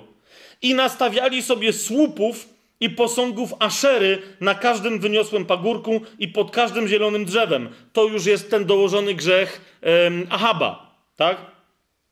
I spalali tam we wszystkich świątynkach, na wyżynach kadzidła, jak ludy, które Pan uprowadził przed nimi do niewoli, popełniali złe czyny, pobudzając Pana do gniewu. Czcili też bałwany, o których powiedział im Pan: Nie czyńcie tego. Widzicie o co chodzi? Nieważne, czemu były poświęcone te bałwany, tak? Czy ktoś je nazywał Elohim, Jahwe, Adonai, Baal, jakkolwiek. Po prostu czcili też bałwany, czyli figury i przedstawienia, obrazy, tak? O których powiedział im Pan: Nie czyńcie tego. A chociaż Pan ostrzegał Izraela i Judę przez wszystkich swoich proroków, przez wszystkich jasnowidzów, mówiąc: Zawróćcie ze swoich błędnych dróg i przestrzegajcie moich przykazań i ustaw zgodnie z całym zakonem, jaki ja nadałem waszym ojcom i jaki ja przekazałem wam przez moje sługi proroków. Oni jednak nie słuchali i znowu powtarza się to określenie jeszcze raz, ono będzie dla nas później bardzo ważne. I stwardniał ich kark, jak kark ich ojców, którzy nie zaufali Panu Bogu swojemu. Widzicie to? Gdzie mieliśmy mowę o twardym karku? Tam, gdzie ci sobie postawili złotego cielca, tak? Jak Słowo Boże tutaj komentuje ich postawę? Czemu postawili sobie złotego cielca? Bo tak naprawdę w sercu nie zaufali Panu Bogu swojemu. Potrzebowali się czegoś chwycić, jakiejś religii, jakiegoś obrzędu, jakiejś ceremonii, żeby im ktoś powiedział, na przykład taki Aaron, jakakolwiek figura autorytetu, że to jest okej, okay, da radę, to jest w sumie to samo. Owszem, zobaczcie dalej, 15 werset, wzgardzili jego ustawami i jego przymierzem, jakie zawarł z ich ojcami i przestrogami, jakimi ich ostrzegał. I poszli za marnością i sami stali się marnością, jak ludy okoliczne, o których nakazał im Pan, aby nie postępowali tak jak one. Odrzucili wszystkie przykazania Pana Boga swojego i sporządzili sobie dwa odlewane cielce. Sporządzili, widzicie tu nawiasem mówiąc? Co jest napisane, odrzucili wszystkie przykazania Pana Boga swojego. I sporządzili sobie dwa odlewane cielce, sporządzili sobie posąg Aszery, to później, tak? Bogini, która do dzisiaj, od tamtej pory, od, na cały czas wszystkim towarzyszy, wszystkim pogańskim, yy, nawet jeżeli na takie yy, nie wyglądają, wszystkim pogańskim yy, kultom. I oddawali pokłon. Uwaga, zwróćcie uwagę, co tutaj się dzieje i oddawali pokłon całemu zastępowi niebieskiemu i na domiar tego jeszcze wszystkiego służyli Baalowi. Teraz widzicie, jeżeli oddawali cześć Bogu, który mówi: Ja jestem jedynym prawdziwym Bogiem, to yy, oddając cześć Baalowi, Aszerze i zastępowi niebieskiemu, oddawali im część jako komu? Jako świętym. Nie, ja nie, nie rozumiecie tu, a, albo jako pomniejszym bogom, tak? Oni, jestem przekonany, że tam mówi, zresztą Biblia w wielu miejscach to e, też jasno pokazuje, tak? Że oni y, oddawali cześć tym dodatkowym bóstwom tak przy okazji. Nie tak samo intensywną, nie tak samo, no inni potem grzeszyli, tak? Mówili, Bóg jest jeden, to jest nasz prawdziwy Bóg Izraela. Ale przy okazji nie zaszkodzi ukłonić się Aszerze. Ashera nie zaszkodzi, jak też pobłogosławi. Tak? Czytamy dalej. No bo tu się, widzicie, jeżeli się zaczyna od tego, że zaczyna się Boga czcić w przez siebie wymyślony sposób, to potem zaczyna się obok Boga stawiać innych pomniejszych bogów, a potem robi się naprawdę przerażająco. Oddawali też na spalenie później swoich synów i swoje córki i uprawiali czarodziejstwo i wróżbiarstwo i całkowicie się zaprzedali, czyniąc to, co złe w oczach Pana i pobudzając go do gniewu. Oburzył się więc Pan bardzo na Izraela i odrzucił ich sprzed swojego oblicza tak, iż pozostało tylko samo plemię judzkie. Yy, o co chodzi? No, no po prostu, jak już do tego wszystkiego zaczęli dokładać tą historię, że zaczęli palić dzieci, zaczęli zabijać dzieci, nawiasem mówiąc, zawsze Każdy atak na dzieci, czy narodzone, czy na nienarodzone, ma to samo podłoże demoniczne. Po prostu. Tak? To jest zawsze ta sama ofiara składana tym samym bóstwom. To wtedy Pan zainterweniował. O tym też, y, a że, a że to przez króla asyryjskiego Izrael został najechany, to zobaczcie w tym samym rozdziale, w piątym wersecie. Tam jest wyraźnie powiedziane: Król asyryjski najechał cały kraj, ruszył na Samarię i oblegał ją przez trzy lata. Samaria była stolicą Izraela, północnego królestwa, a w dziewiątym roku panowania Ozeasza król asyryjski zdobył Samarię, uprowadził Izraela do Asyrii i osadził ich tam w Halach i nad Chaborem, rzeką Gozanu i w miastach, yy, i w miastach yy, medyjskich. Widzicie to? Jeszcze dalej idźmy, bo to jest bardzo mocne studium w tym 17 rozdziale e, właśnie tego, tego bałwochwalstwa. Zerknijmy sobie na wersety 32. Zobaczcie, co widzicie, tu, tu jest po raz kolejny jest to powiedziane bardzo wprost, że tamci ludzie to są już ci y, Żydzi wymieszani z innymi ludami z y, mocarstwa asyryjskiego. Ale zobaczcie, co jest powiedziane. Oddawali cześć Panu. Ok? I, a, a zaraz pismo nam to zupełnie zdumiewająco skomentuje. Ale zobaczcie, oddawali też cześć Panu Yy, i ustanawiali spośród siebie kapłanów dla świątynek na wyżynach i ci sprawowali dla nich obrzędy w świątynkach na wyżynach. 33 werset. Czcili więc Boga. Widzicie to? Czcili więc Boga. I tu chodzi o Jachwę. Widzicie to? Czcili więc Boga, ale służyli także swoim Bogom według zwyczaju tych ludów, z których zostali uprowadzeni do niewoli, do niewoli. I aż po dziś dzień postępują według dawnych zwyczajów. I teraz uważajcie, bo tutaj się pojawia komentarz Słowa Bożego. Do tego jeszcze raz zobaczcie, 32 werset. Oddawali cześć Panu. Tak się zaczyna 32 werset. 33, jak? Czcili więc Boga w swoim rozumieniu. A Słowo Boże co mówi? 34 werset, drugie zdanie. Nie czczą więc Pana i nie postępują według Jego ustaw i Jego praw, według zakonu i według przykazania, jakie Pan nakazał synom Jakuba, któremu nadał imię Izrael. Nie ma żadnego znaczenia, że oni poprzez te figury, które sobie stawiają, obrazy, poprzez przez siebie wymyślone obrzędy, chcą czcić Pana. Nie ma żadnego znaczenia, że myślą, że czczą Pana. Nie ma żadnego znaczenia, że są święcie przekonani, że oddawali cześć Panu i że czcili Boga, Jahwe. Ponieważ Słowo Boże mówi, nie czcili Pana i nie czczą Go nadal. 41 werset, zobaczcie sobie, bo tam y, możecie sobie cały 17 rozdział tam dokładnie y, przeczytać, bo to, bo to mówię, to jest dosyć poważne studium na, na temat właśnie takiego bałwochwalstwa, ale 41 werset. I tak te narody oddawały cześć Panu, ale służyły też swoim bałwanom. Również ich synowie i wnuki postępują tak, jak postępowali ich ojcowie, aż do dnia dzisiejszego. To jest, to jest komentarz na temat Samarii. Ciekawe jest, wiecie, bo jak kiedyś rozmawiałem z jednym e, człowiekiem, któremu to pokazałem, mówię, zobacz, oni naprawdę czcili Boga i mówili, że znają tego jednego prawdziwego Boga. A Bóg im powiedział, to jest bałwochwalstwo. Nie możecie mnie znać przez bałwany. Kropka. I on mówi, to słowo mnie jeszcze nie przekonuje. Wiesz, może oni tam jednak coś przyfałszowali, no nie? Może oni naprawdę wiedzieli, że to nie jest Bóg, tylko że się kłaniają tej figurce. I wiesz, a Bóg to wiedział i powiedział: Dobra, widzę wasze serca.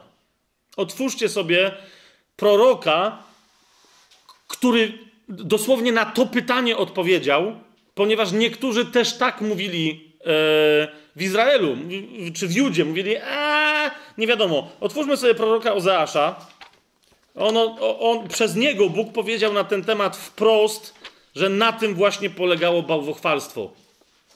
Nie da się czcić Boga poprzez obraz. Yy, tam macie z tych trzech wielkich yy, Izajasza, Jeremiasza, Ezechiela, potem Daniela i po Danielu zaraz jest, yy, jest Ozeasz. Jak sobie otworzycie ósmy rozdział, sobie otworzycie ósmy rozdział, e, zobaczcie, tam Bóg mówi wprost. Mówi do Izraela, do Królestwa Północnego, które ma, e, które ma stolicę w Samarii, a więc mówi do tego królestwa, który czci cielątka. Co Bóg mówi i o co ich oskarża? Zobaczcie sobie ósmy rozdział, drugi werset. Krzyczą do mnie, znamy Cię, Boże. Widzicie to? Jeszcze raz przyjrzyjcie się wyraźnie, do, dobrze temu wersetowi. Bóg mówi, ci ludzie, którzy czczą cielce, są przekonani, że oddają mi cześć. Krzyczą do mnie, znamy Cię, Boże. Znamy Cię, Boże. Zobaczcie, piąty i szósty werset. Co na to Bóg odpowiada? Odrzuciłem Twojego cielca, Samario. Zapłonął mój gniew przeciw nim. Jak długo dom Izraela pozostanie bez kary za to, co tu zrobił? Jeszcze raz, mamy bardzo wyraźnie do czynienia z ludźmi, którzy przyjęli e, koncepcję. Jeszcze raz, przeczytam wam zaraz na samym początku, żeby było jasne, o czym my tu dyskutujemy, tak? Którzy przyjęli koncepcję, cytuję, kto czci obraz, ten czci osobę, którą obraz przedstawia. Katechizm Kościoła katolickiego. Kto czci obraz, może czcić osobę, którą ten obraz przedstawia. A Słowo Boże mówi nie. Mieli cielca, patrząc, składając tam ofiary, powiedzieli: Przecież składamy je do, do Boga. I co więcej, krzyczą do mnie: Znamy Cię, Boże! Przecież to Tobie oddajemy te ofiary przez cielca. A co im Bóg na to odpowiada? A ja odrzucam Twojego cielca, Samario. Zapłonął mój gniew przeciwko Wam. Jak długo dom Izraela pozostanie bez kary? Przecież on nie jest Bogiem, rzemieślnik go zrobił. Zaiste w drzazgi rozleci się cielec Samarii. Widzicie, co tu jest napisane? Oni mówią, to jest nasza droga poznania e, Boga, a Bóg mówi, nie, to jest wasza droga oddawania czci bałwanowi. Zobaczcie sobie jeszcze jedenasty, e, czternasty e, werset. Kolejna rzecz. Zaiste Efraim zbudował sobie liczne ołtarze, ale stały się one ołtarzami grzechu. Każdy ołtarz może być najświętszy, nazwany najświętszymi imionami, opisany całą Ewangelią. Ale jeżeli nie jest tym, co Pan w swoim słowie głosił, jest ołtarzem grzechu. Zobaczcie, co tu jest napisane. Efraim zbudował sobie liczne ołtarze, ale stały się one ołtarzami grzechu. Chociaż spisałem mu wiele moich wskazań, to jednak lekce je sobie ważyli jako coś obcego. To jest to. Zamiast słuchać słowa, które ja im dałem i je wykonywać, uznali, że oni lepiej wiedzą, jak się Bogu cześć oddaje. Lubią ofiary rzeźne i chętnie je składają, także mięso i chętnie je jedzą, ale Pan tych ofiar sobie nie upodobał. I teraz zwróćcie uwagę, przecież Pan powiedział, żeby składać ofiary rzeźne. Okej, okay, ale tak, jak je powiedział, żeby składać. A, a nie, że każdy, kto chce złoży ofiarę tak, jak chce, to że ona zostanie przyjęta. Nawiasem mówiąc, e, to już Kain się tego nauczył. Abel złożył Bogu ofiarę tak, jak Bóg tego chciał, i jego ofiara została przyjęta. Kain był pierwszym, który uznał, że on wie lepiej i że sobie zrobi swoją religię. I dlatego jego ofiara nie została przyjęta. No i również, jak bardzo religijny człowiek, pozazdrościł temu, który miał lepszą relację z Bogiem i go zabił. Lubią ofiary rzeźne i chętnie je składają, także mięso chętnie je jedzą, ale Pan w tych ofiarach sobie nie upodobał. Będzie teraz pamiętał o ich przewinie i karać ich będzie za ich grzechy. Powrócą do Egiptu. Izrael zapomniał o swoim stworzycielu i zbudował sobie świątynię. Tu jest liczba mnoga, nie pojedyncza. Widzicie? Jest kolejna rzecz. Gdzie ja powiedziałem, żeby mieć wiele świątyń? Jedna w tamtym czasie, a teraz żadna. Dopóki Pan Jezus nie przyjdzie i nie od, na, wybuduje tej, o którą chodzi. Również Juda zbudował wiele miast obronnych. Ześlę więc ogień na jego miasta, aby zniszczył jego pałace. Zobaczcie dalej, dziewiąty rozdział, yy, ale od siódmego wersetu. Yy, cały czas jesteśmy w Ozeaszu, dziewiąty rozdział. Nadeszły dni pomsty, nadeszły dni odpłaty Izrael wtedy pozna, czy prorok jest głupcem. Bo pamiętacie, przychodzili prorocy do Izraela. Przychodzi, no, między innymi Eliasz, ale nie tylko, bo tam ich było wielu. I mówili, to nie jest relacja, którą Bóg chce mieć z wami. A ci ich odsyłali, mówią, wy jesteście debilami. Wy chcecie, jakiej relacji chcecie? Mamy bardzo dobrze uporządkowaną religię. I Bóg to komentuje, nadeszły dni pomsty i Izrael się przekona, czy prorok rzeczywiście jest głupcem, a czy mąż natchniony jest oszalały. Z powodu Twoich win i wielkiej Twojej nienawiści przyjdzie pomsta. To mówi Pan do Izraela. Efraim nadal czyha przy namiocie proroka. Sidło ptasznika jest zastawione na wszystkich jego drogach, a nienawiść w domu jego Boga. Są zepsuci do głębi. I teraz uważajcie, bo tu, o mój Boże. Zobaczcie, cały czas mówimy o ludziach, którzy krzyczeli: Znamy Ciebie, Boże! To dla Ciebie wystawiliśmy te cielątka. A Bóg, zobaczcie, o co ich oskarża. To jest nieprawdopodobne, co się tutaj yy, wydarza. Są zepsuci do głębi, jak w dniach Gibei.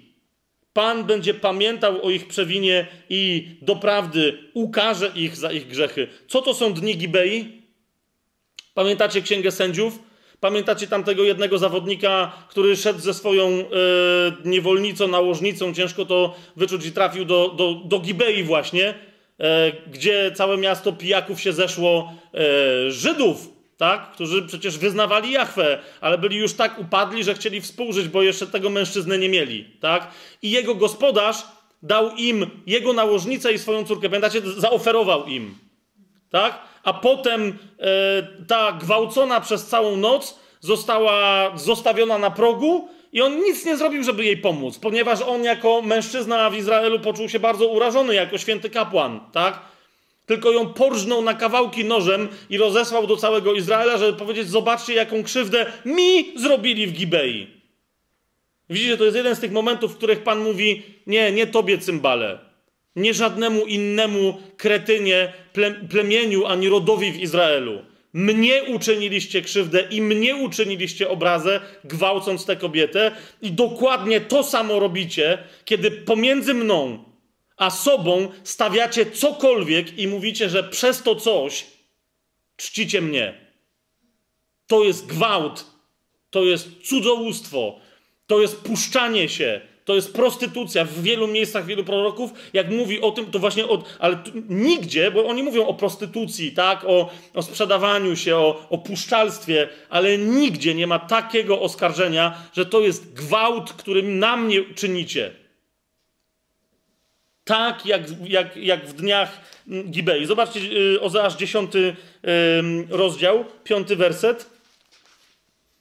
No, on mówi, nieważne, że oni mówią, że przez tego cielca czczą Boga, ale tak naprawdę na, na tym się koncentrują, o to drżą. Zobacz, co jest napisane. Dziesiąty rozdział Ozaasza, piąty werset. Obywatele Samarii drżą o co? O dobro Pana? O to, żeby sprawiedliwość? Nie, oni drżą o swojego cielca Bet-Awen.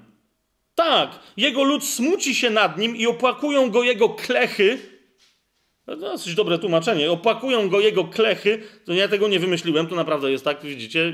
Kto ma warszawskie tłumaczenie, to, to tu jest tak napisane. Ten jego lud smuci się nad nim i opłakują go jego klechy, opłakują jego chwałę, ponieważ pójdzie od nich do niewoli. Cielątko. I przeniosą go do Asyrii w darze dla wielkiego króla, a Efraim okryje się hańbą, a Izrael będzie się wstydził z powodu y, swojego bożka. Samaria będzie zburzona, jej król podobny do drzazgi na powierzchni wody. I będą zniszczone wyżyny Bet-Awen. Nieważne, że mówiliście, że mnie tam oddajecie cześć, bo tego nie robiliście. Miejsca grzechu Izraela. Cierń i oset wyrośnie na ich ołtarzach. Wtedy mówić będą do gór przykryjcie nas, a do, do pagórków padnijcie na nas. To są słowa, które później, na razie nie będziemy tego rozważać, ale one są później w objawieniu Janowym cytowane przy końcu czasów, że ludzie przed przyjściem Pana też będą się tak bać, będą tak przerażeni, że będą krzyczeć do pagórków: przykryjcie nas. I jeszcze raz zobaczcie, e, dziewiąty werset. Od dni Gibei grzeszyłeś Izraelu. Tamto to też, to, co to był? Honor? Honor jakiegoś rodu? Potem przyjechaliście komuś tam na wkładać? To był wynik, to wasze niemoralne zachowanie to był wynik waszego bałwochwalstwa. Od tego się właśnie zaczyna, że nie czcicie mnie tak jak chcieli. Od dni Gibei grzeszyłeś Izraelu. Tam wystąpili przeciwko mnie. Czy wojna nie dosięgnie ich w Gibei? Tak. Nie dosięgnie. Teraz zwróćcie uwagę, jeszcze raz. Obywatele Samarii, ten, ten piąty werset, drżą o cielca Bet Aven. E, tu, y, nie tylko w tym miejscu, ale już y, nie, nie mamy aż tyle czasu, żeby to, ten temat jeszcze bardziej zgłębiać, ale bardzo często, kiedy ludzie mówią, ja czczę prawdziwego Boga, a nie ten obrazek, nie ten symbol, nie ten krzyżyk, nie y, tą figurkę, za każdym razem, kiedy tak mówię, przecież ja wiem, że to jest tylko rzecz. Ok? Przetestuj go testem, który Biblia nam tu podsuwa, jako drżenie o cielca Bet Aven. Serio? Naprawdę?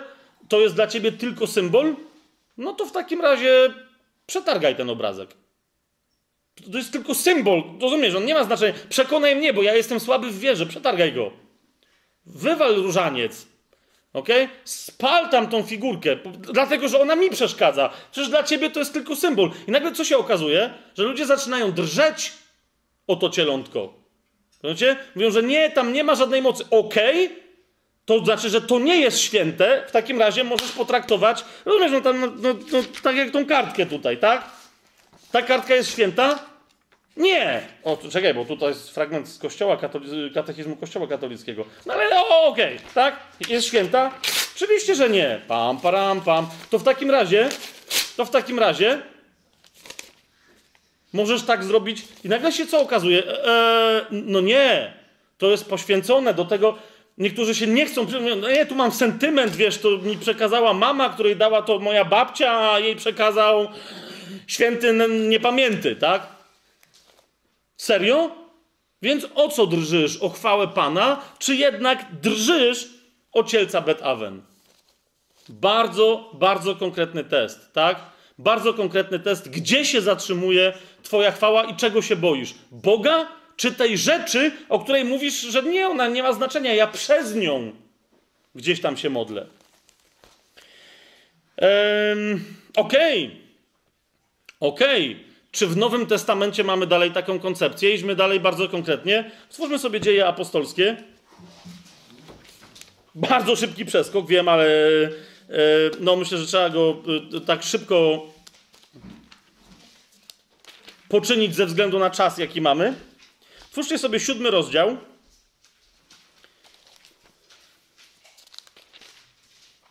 Twórzcie sobie siódmy rozdział dziejów apostolskich. E, bardzo interesująca,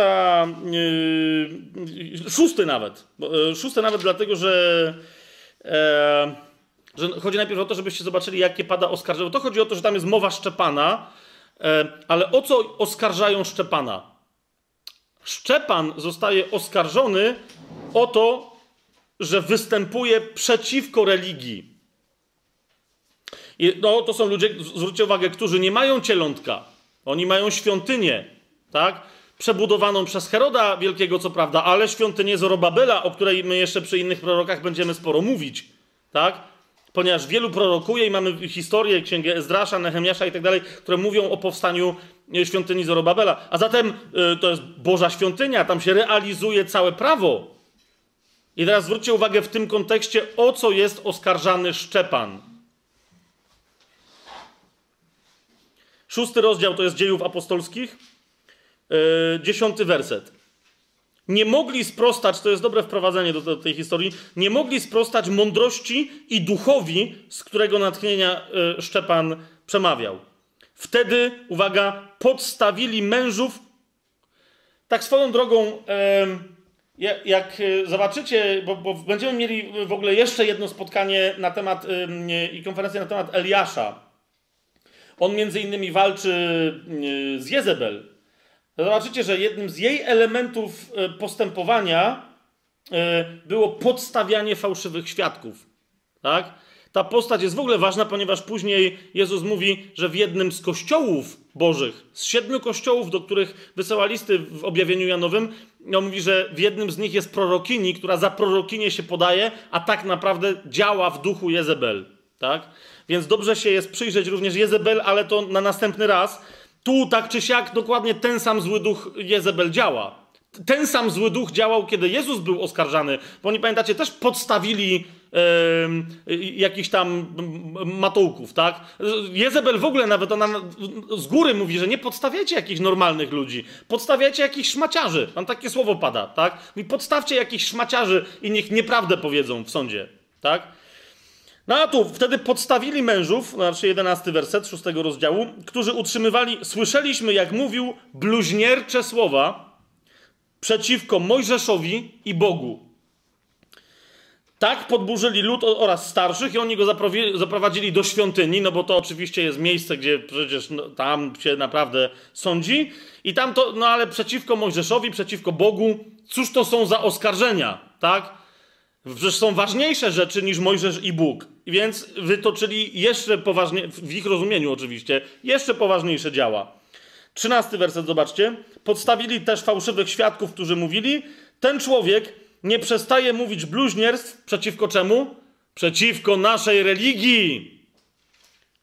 Ściślej rzecz ujmując, przeciwko temu miejscu świętemu i naszemu zakonowi. Tak? Słyszeliśmy go bowiem, jak mówił, że ów Jezus Nazareński zburzy to miejsce i zmieni zwyczaje, jakie nam Mojżesz przekazał. Ja już pomijam fakt, że Jezus cały czas jak chodził po Izraelu, to im pokazywał, tym samym zawodnikom, że, że, że oni mają tyle wspólnego z przestrzeganiem zwyczajów, które Mojżesz im przekazał, co. Dobra, nie będę. Nic nie mają wspólnego. Tak? Że nic nie zrozumieli, co Mojżesz im przekazał. Swoje zwyczaje, które sami sobie poustawiali, respektują i wyznają swoją religię. Więc Szczepan, zauważcie, musi odpowiedzieć na pytanie, czy rzeczywiście atakuje religię. A Szczepan nie tylko mówi, cały, cała jego mowa, jak się jej dobrze przyjrzycie, jest mową przeciwko religii, jest mową, znaczy najpierw jest mową za relacją z Bogiem. On im przypomina, co Bóg objawił. Tak? Ale jak już, y, jak już to mamy, no y, to wtedy y, zaczyna mówić bezpośrednio przeciwko religii. Mówi, Bóg się objawił, chce mieć z nami relacje. Te wszystkie rzeczy, które zostawił Mojżeszowi, całe prawo, to, to wszystko miało prowadzić do Mesjasza. Ale mówi wy. No i teraz zobaczcie sobie siódmy rozdział od 37 mm, wersetu będziemy czytać. Czyli jak go zaczęli oskarżać od Mojżesza, tak my tu też, te, też od Mojżesza zaczniemy. On im, zobaczcie, od 37 wersetu w ramach tej całej swojej wypowiedzi mówi tak. To jest ten Mojżesz, który powiedział synom Izraela: Proroka jak ja wzbudzi wam Pan spośród braci waszych. On ci to w czasie zgromadzenia na, na pustyni pośredniczył między aniołem, który do niego mówił na górze Synaj, a ojcami naszymi. On też otrzymał słowa żywota, aby je nam przekazać. I teraz zauważcie, bo on tu zaczyna dokładnie od tego, od czego my zaczęliśmy. On mówi: To, co wy teraz robicie, taka będzie konkluzja. To jest to samo, co oni zrobili z cielcem, co potem robił Jeroboam. On ich oskarża, mówi: Wy mnie sądzicie w świątyni? Wy robicie dokładnie to samo, co robiło północne królestwo. Robicie dokładnie to samo. Zobaczcie, e, od 39 wersetu. Ale ojcowie nasi nie chcieli mu być posłuszni. Odepchnęli go i sercami swoimi zwrócili się ku Egiptowi. Zwrócili się ku temu, jak Egipt rozumiał e, czczenie e, bogów, ku, ku religii, tak? Mówiąc do Aarona, uczyń nam bogów, którzy pójdą przed nami. Nie wiemy bowiem, co się stało z owym Mojżeszem, który nas wywiódł z ziemi egipskiej. I zrobili w owych dniach cielca i złożyli bałwanowi ofiarę, a nie panu, niezależnie od tego, że Aaron wołał, że to będzie święto na cześć pana. Szczepan co do tego jest jasny. Złożyli bałwanowi ofiarę i radowali się czym? dziełami swoich rąk. Tym się cieszyli. Wtedy odwrócił się Bóg i oddał ich w służbę zastępów niebieskich, jak napisano w księdze proroków. I teraz patrzcie, tu jest cały czas to Boże oskarżenie. Czy mnie składaliście ofiary i dary? Widzicie, bo oni się tak bronią. No przecież tobie, no nieważne, że przez tobie, czy mnie składaliście ofiary i dary przez 40 lat na pustyni, domu Izraela? Tak, ale to tak tutaj to jest takie, wiecie, sarkastyczne. Mhm. Nosiliście baldachim Molocha i gwiazdę Bożka Romfana, bałwany, które uczyniliście, aby im bić pokłony. Dlatego przesiedlę was poza Babilon. Co to jest baldachim Molocha, to też będzie kiedy indziej. Yy, gwiazda Bożka Romfana ja nie wiem, ostatnio czy przedostatnim razem mówiłem o e, gwieździe Dawida. Niektórzy mówią, e, że gwiazda Dawida to jest gwiazda Bożka Romfana i że to jest dowód na to, że pismo mówi, że to jest okultystyczny znak czy coś tam. Nie. Nigdzie indziej w piśmie nie jest wyjaśnione, jak wyglądała gwiazda Bożka Romfana, więc to, to byłoby za daleko posunięte twierdzenie. Ale rozumiecie, chodzi o to, że zaczęliście od oddawania Bogu czci E, e, przez pośredniczące symbole, a skończyliście na takich dziadostwach jak namiot Molocha, czy jak gwiazda Bożka Romfana, które już nie były Jachwę. Tak? Tak się to skończyło. Ale idziemy dalej, bo, bo Szczepan tu nie, nie poprzestał, tak? bo tu jeszcze nie ma oskarżenia wysuniętego. Ojcowie nasi mieli na pustyni namiot przymierza, jak nakazał ten. I tam mówi, ojcowie, 45 werset. Ojcowie nasi przejęli go i wraz z Jozułem wnieśli do posiadłości pogan. Okej. Okay. I tu się zaczyna. Ale dopiero Salomon, to jest 47 werset, zbudował Bogu dom. I teraz o co chodzi? Bo mówi, widzicie, gdzie mnie sądzicie? Tu mnie sądzicie, w tym domu. To nie jest co prawda ten dom, który zbudował Salomon, to jest, to jest świątynia Zorobabela. Tu mnie sądzicie. I mówicie, że występuje przeciwko Mojżeszowi, przeciwko prawu, przeciwko świątyni, przeciwko obyczajom. To wam się coś pomieszało. Jak już doszedł do tego miejsca, mówi: Zobaczcie, cała historia, tam Bóg chciał być czczony w bezpośredniej relacji, a nie przez religię. I teraz co się dzieje? Mówi: A wy mnie sądzicie, że ja się przeciwstawiam Słowu Bożemu? To, to Zobaczcie, 47 werset mówi, to to co się tutaj dzieje? Dopiero Salomon zbudował mu dom, ale najwyższy, i tu się zaczyna to samo, co później w 17 rozdziale Paweł też mówi, ale najwyższy nie mieszka w budowlach, rękami uczynionymi, jak mówi prorok, niebo jest tronem moim, a ziemia pod nóżkiem moich stóp. Jaki dom mi zbudujecie, mówi Pan, albo jakie jest miejsce mojego odpocznienia? Czy nie moja ręka uczyniła to wszystko? Odwróćcie się od dzieła swoich rąk, tutaj mówi Szczepan, o którym wcześniej była mowa, tak? Zwróćcie uwagę, 41 werset, jeszcze raz przyjrzyjcie się, 41 werset radowali się dziełami swoich rąk. Widzicie to? A Szczepan im mówi: A co mówi Pan? Czy nie ręka moja uczyniła wszystko? Przestańcie wy mi robić swoje dzieła i mówić, że to jest Bóg, ale szukajcie dzieł mojej ręki. I zobaczcie, co, co mówi do tych swoich oskarżycieli Szczepan w tym momencie. Oni są Żydami znającymi pismo, to są arcykapłani, faryzeusze, uczeni w piśmie, więc jak słyszą takie słowa, to jest jednoznaczne. On mówi: Widzicie, cały ten grzech który nie był czczeniem Boga, jest także wasz. 51 werset. Jak do nich mówi? Ludzie twardego karku i nieobrzezanych uszu i serc. Wy się zawsze sprzeciwiacie Duchowi Świętemu. Jak ojcowie wasi, tak i wy. Dalej bronicie nie tego, co jest Bogiem, a oskarżacie tego, który wam przynosi Boga, Jezusa, który jest Mesjaszem, i mnie, który jestem Jego świadkiem. Patrzcie dalej, 52 werset i następne. Któregoż z proroków nie prześladowali ojcowie wasi? Pozabijali też tych, którzy przepowiedzieli przyjście sprawiedliwego, którego wy teraz sami staliście się zdrajcami i mordercami. Wy, którzy otrzymaliście zakon, jak wam go dali aniołowie, a nie przestrzegaliście go. I teraz zobaczcie, co się tutaj dzieje. Klasyczna chociaż akurat dosyć ekstremalna reakcja religijnych ludzi, słuchając tego, wpadli we wściekłość i zgrzytali na niego zębami. On zaś, będąc pełen Ducha Świętego, utkwiwszy wzrok w niebo, no właśnie, co się stało? Zobaczył prawdziwą świątynię, która jest w niebie. Jedyną już w tym czasie, która ma sens, bo w tej, której oni bronili, zasłona się rozdarła, jak Jezus umarł. Utkwiwszy wzrok w niebo, ujrzał chwałę Bożą i Jezusa, stojącego po prawicy Pana. I powiedział im to, co widzi prawdę, powiedział im: Oto widzę niebiosa otwarte i jak syn człowieczy stoi po prawicy Bożej. A wtedy to już był koniec dla nich, tak? To było przypomnienie jeszcze raz o tym, do czego sprawy zmierzają, gdzie jest prawda, a nie w tych materialnych objawach, których oni bronią. Ale no właśnie, oni podnieśli wielki krzyk, zatkali swoje uszy i razem rzucili się na niego, a wypchnąwszy go poza miasto, kamienowali. Skończyło się, zatkali swoje uszy, nie byli w stanie e, przyjąć dalej tego, e, co im powiedział. Skoro już jesteśmy przy tym, to zobaczcie, że dobra, dzieje apostolskie, dlaczego nie sięgnijmy do tego 17 rozdziału. bo ostatnio ja nie, nie, cały, nie, nie, nie, cały kontekst wypowiedzi Pawłowej e, zobaczyliśmy. To jest, widzicie, to mówi Szczepan do Żydów, a teraz mamy Pawła, który mówi do filozofów, e, do filozofów greckich. Jedni i drudzy, nieważne, Grek czy Żyd, czy wyznają pogańską mitologię, czy wyznają, bo im się tak wydaje, Słowo Boże, jedni i drudzy mogą uprawiać to samo bałwochwalstwo. Zobaczcie, że Paweł ma taki sam temat, e, to jest 17 rozdział od 24 wersetu, ma taki sam temat do wyznawców pogańskiej religii, do filozofów e, ateńskich. Mówi tak, Bóg, który stworzył świat i wszystko, co na nim, ten, będąc Panem nieba i ziemi, po pierwsze, tak? Ja, ja to dodaję, że po pierwsze, ale to są bardzo ważne punkty. Po pierwsze, nie mieszka w świątyniach ręką zbudowanych.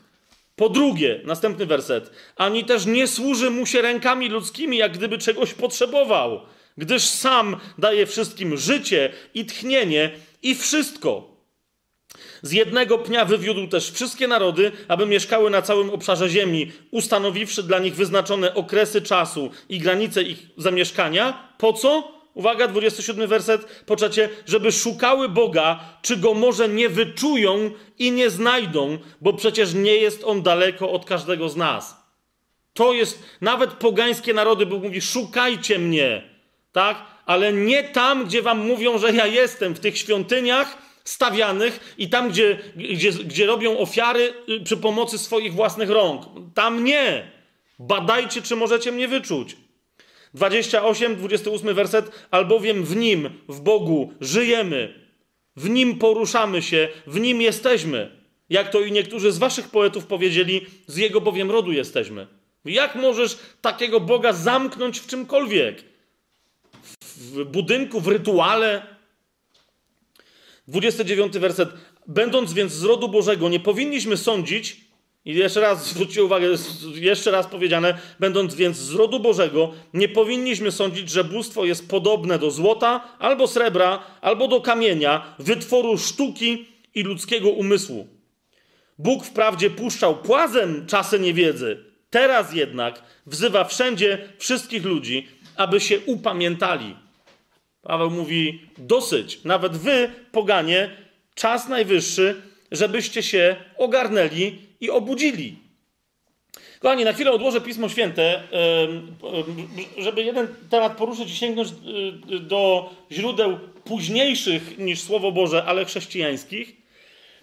E, jest jeden taki fakt na temat chrześcijan, bo, bo, potem niektórzy mówią, ale pamiętacie to a, a propos budowy y, świątyni z tego artykułu, który czytałem ostatnio, tak? Ale jak chrześcijanie zaczęło się ich robić coraz więcej na świecie, to potrzebowali większych miejsc, y, kościołów, żeby się tam zbierać i tak dalej jakby potrzebowali większych miejsc, to jest jedno, ale, ale po co te miejsca miałyby być jakoś szczególnie święte, tak? Niemniej mamy konkretne świadectwa, że dopóki pewna część chrześcijaństwa nie, nie zaczęła się asymilować z religią e, z jednej strony egipską pod postacią teologii aleksandryjskiej, a z drugiej strony z religią rzymską pod postacią hierarchii e, kapłańskiej, rzymskiej, dopóki to się nie stało, chrześcijanie w życiu nawet przez głowę by im nie przeszło, że mieli robić coś widzialnego.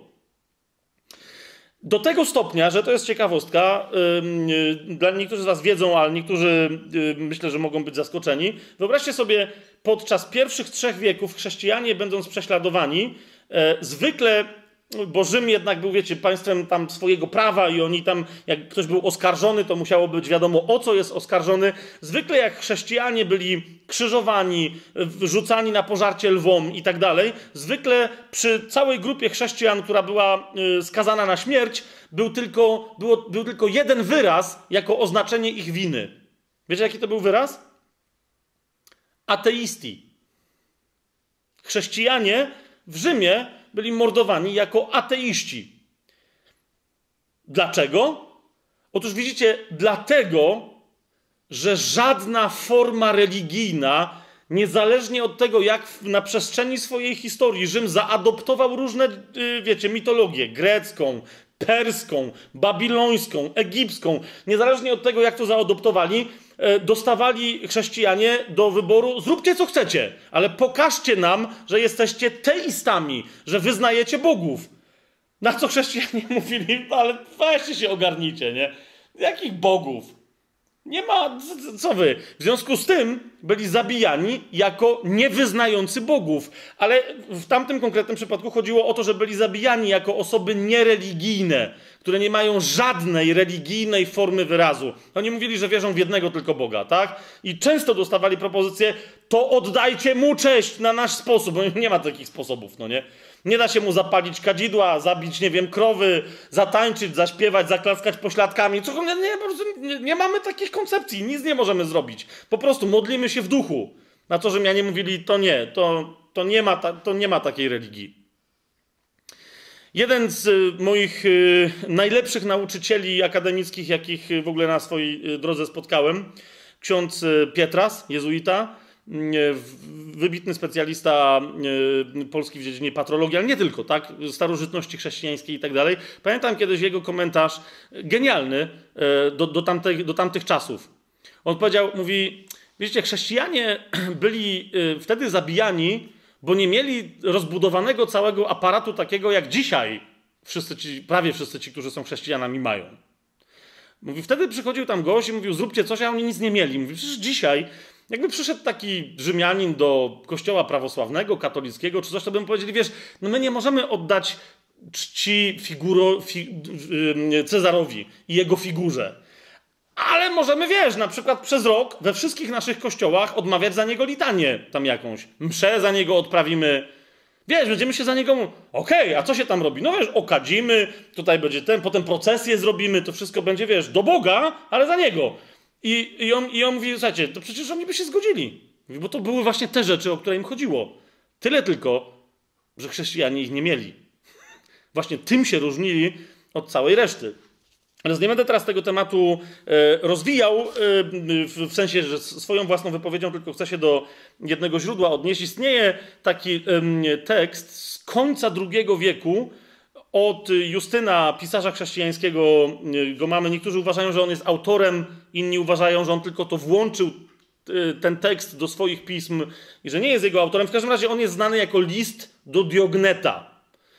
Jakiś chrześcijanin pisze e, do jakiegoś Diogneta, który chciał się dowiedzieć, o co to chodzi z tym chrześcijaństwem, e, co to za hypik powstał, tak, co za nowa koncepcja.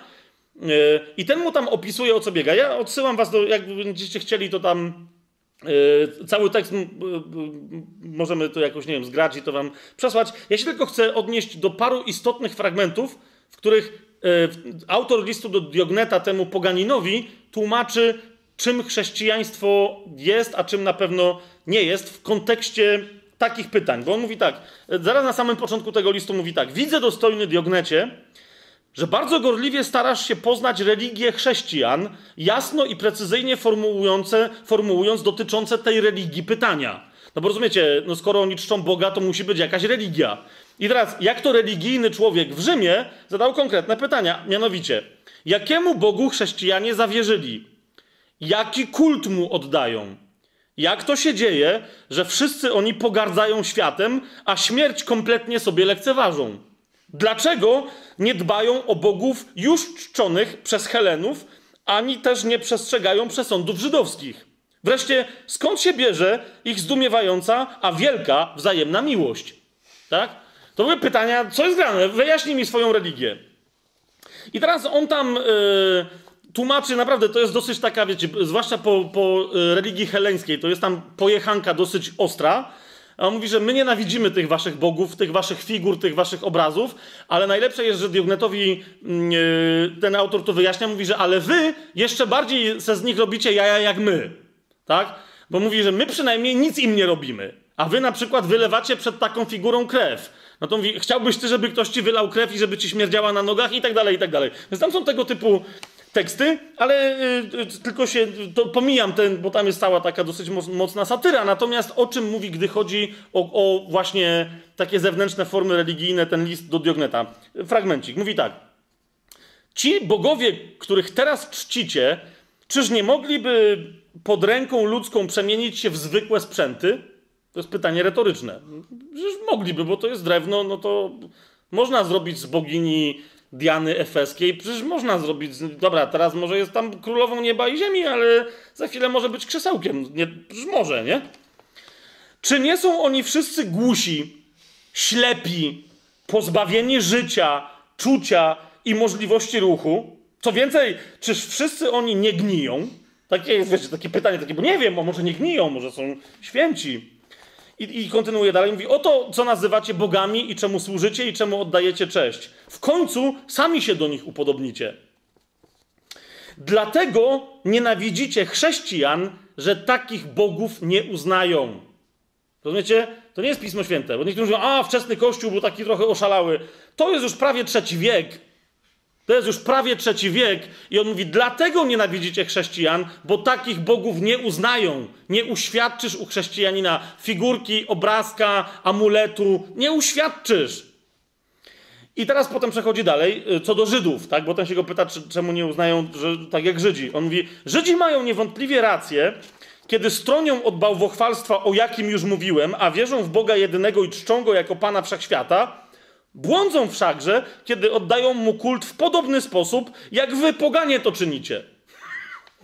I teraz, uważajcie, przynosząc ofiary bożkom głuchym i nic nie czującym, Helenowie dowodzą swojej bezmyślności. Żydzi, którzy składają je Bogu, jakby mógł on takich darów po coś potrzebować, powinni wreszcie zrozumieć, że postępują nie pobożnie, ale głupio. To jest wypowiedź chrześcijanina z prawie trzeciego wieku, tak? Do, mówi ci, daj spokój, ci, to nie jest pobożność. A i teraz uważajcie, bo tu jest dalej. Tu nie tylko chodzi o to, że potem mówi tak, figurki, obrazki to wszystko na śmieci. Ofiary składane Bogu, tak jak to robią Żydzi, mówi, to nie jest pobożność, to jest głupota.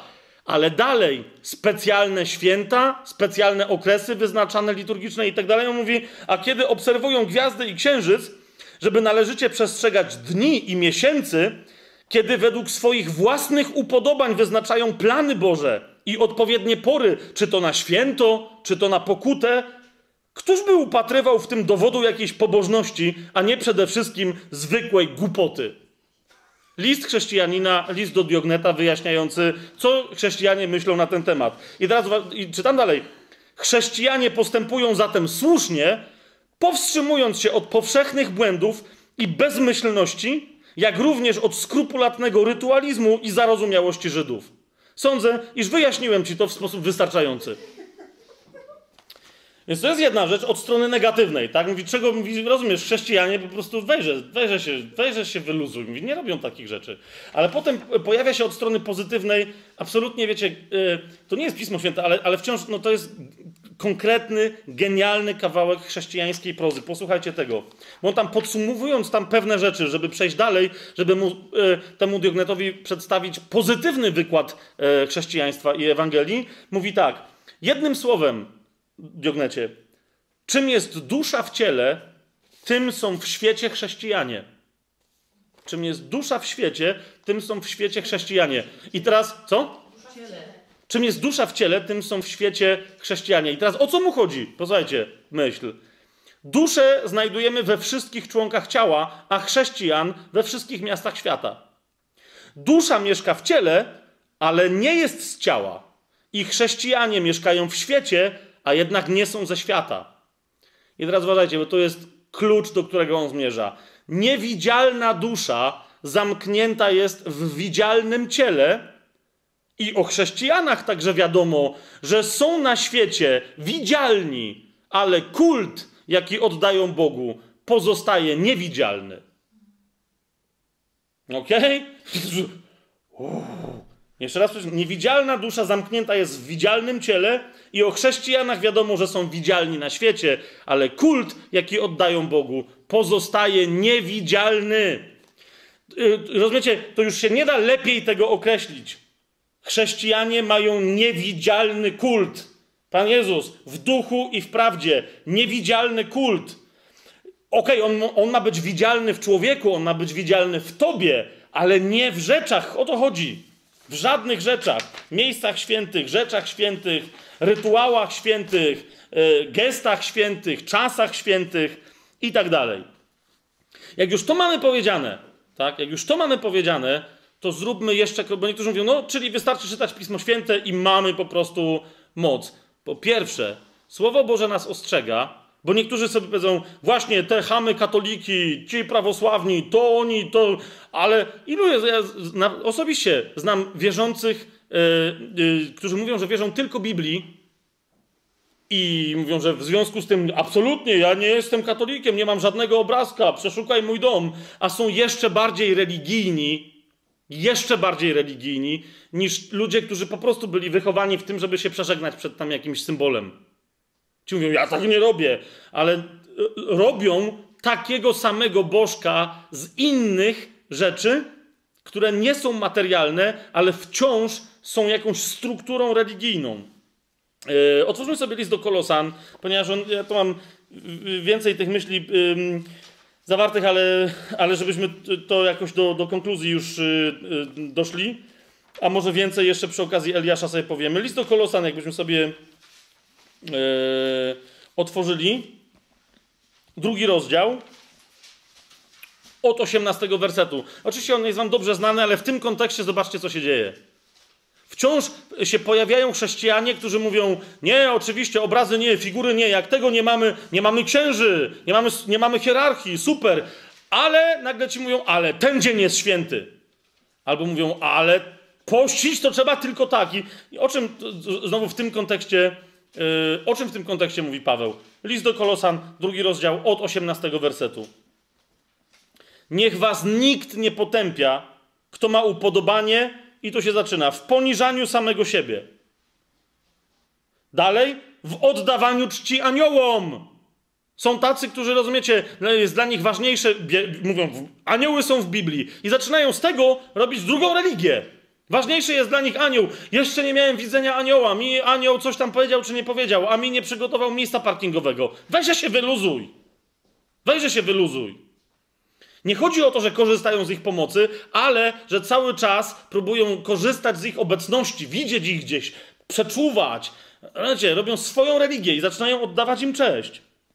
A więc niech was nikt nie potępia, kto ma upodobanie w poniżaniu samego siebie, w oddawaniu czci aniołom, a opierając się na swoich widzeniach, pyszni się bezpodstawnie cielesnym usposobieniem swoim. W ilu społecznościach porządnych zborach chrześcijańskich nagle się pojawia jakaś prorokini, prorok, ktoś tak i zaczyna cudować. Biblia, Biblią. Nikt nie konsultuje się z Biblią, natomiast wszyscy mówią, bo ona miała widzenie i ona powiedziała, że miała proroctwo dla tego, dla tamtego. Wszystkie te rzeczy, Słowo Boże mówi wyraźnie, badajcie duchy, czy są z Boga. Prorok jest prawdziwy tylko wtedy, kiedy przede wszystkim jest w zgodzie ze Słowem Bożym. A niektórzy w niektórych, zwłaszcza bardziej charyzmatycznych kręgach, kompletnie nie bardzo wiedzą o co chodzi w Biblii. Przecież prorok jest święty, proroka trzeba przyjąć. Proroka trzeba przyjąć, jak udowodni, że jest prorokiem. Prawdziwy prorok nie będzie oczekiwał posłuchu autorytarnego. Prawdziwy prorok podda się w pokorze Kościołowi. Nawet jeżeli Kościół czasem popełni błąd, nie przejmując jego proroctwa.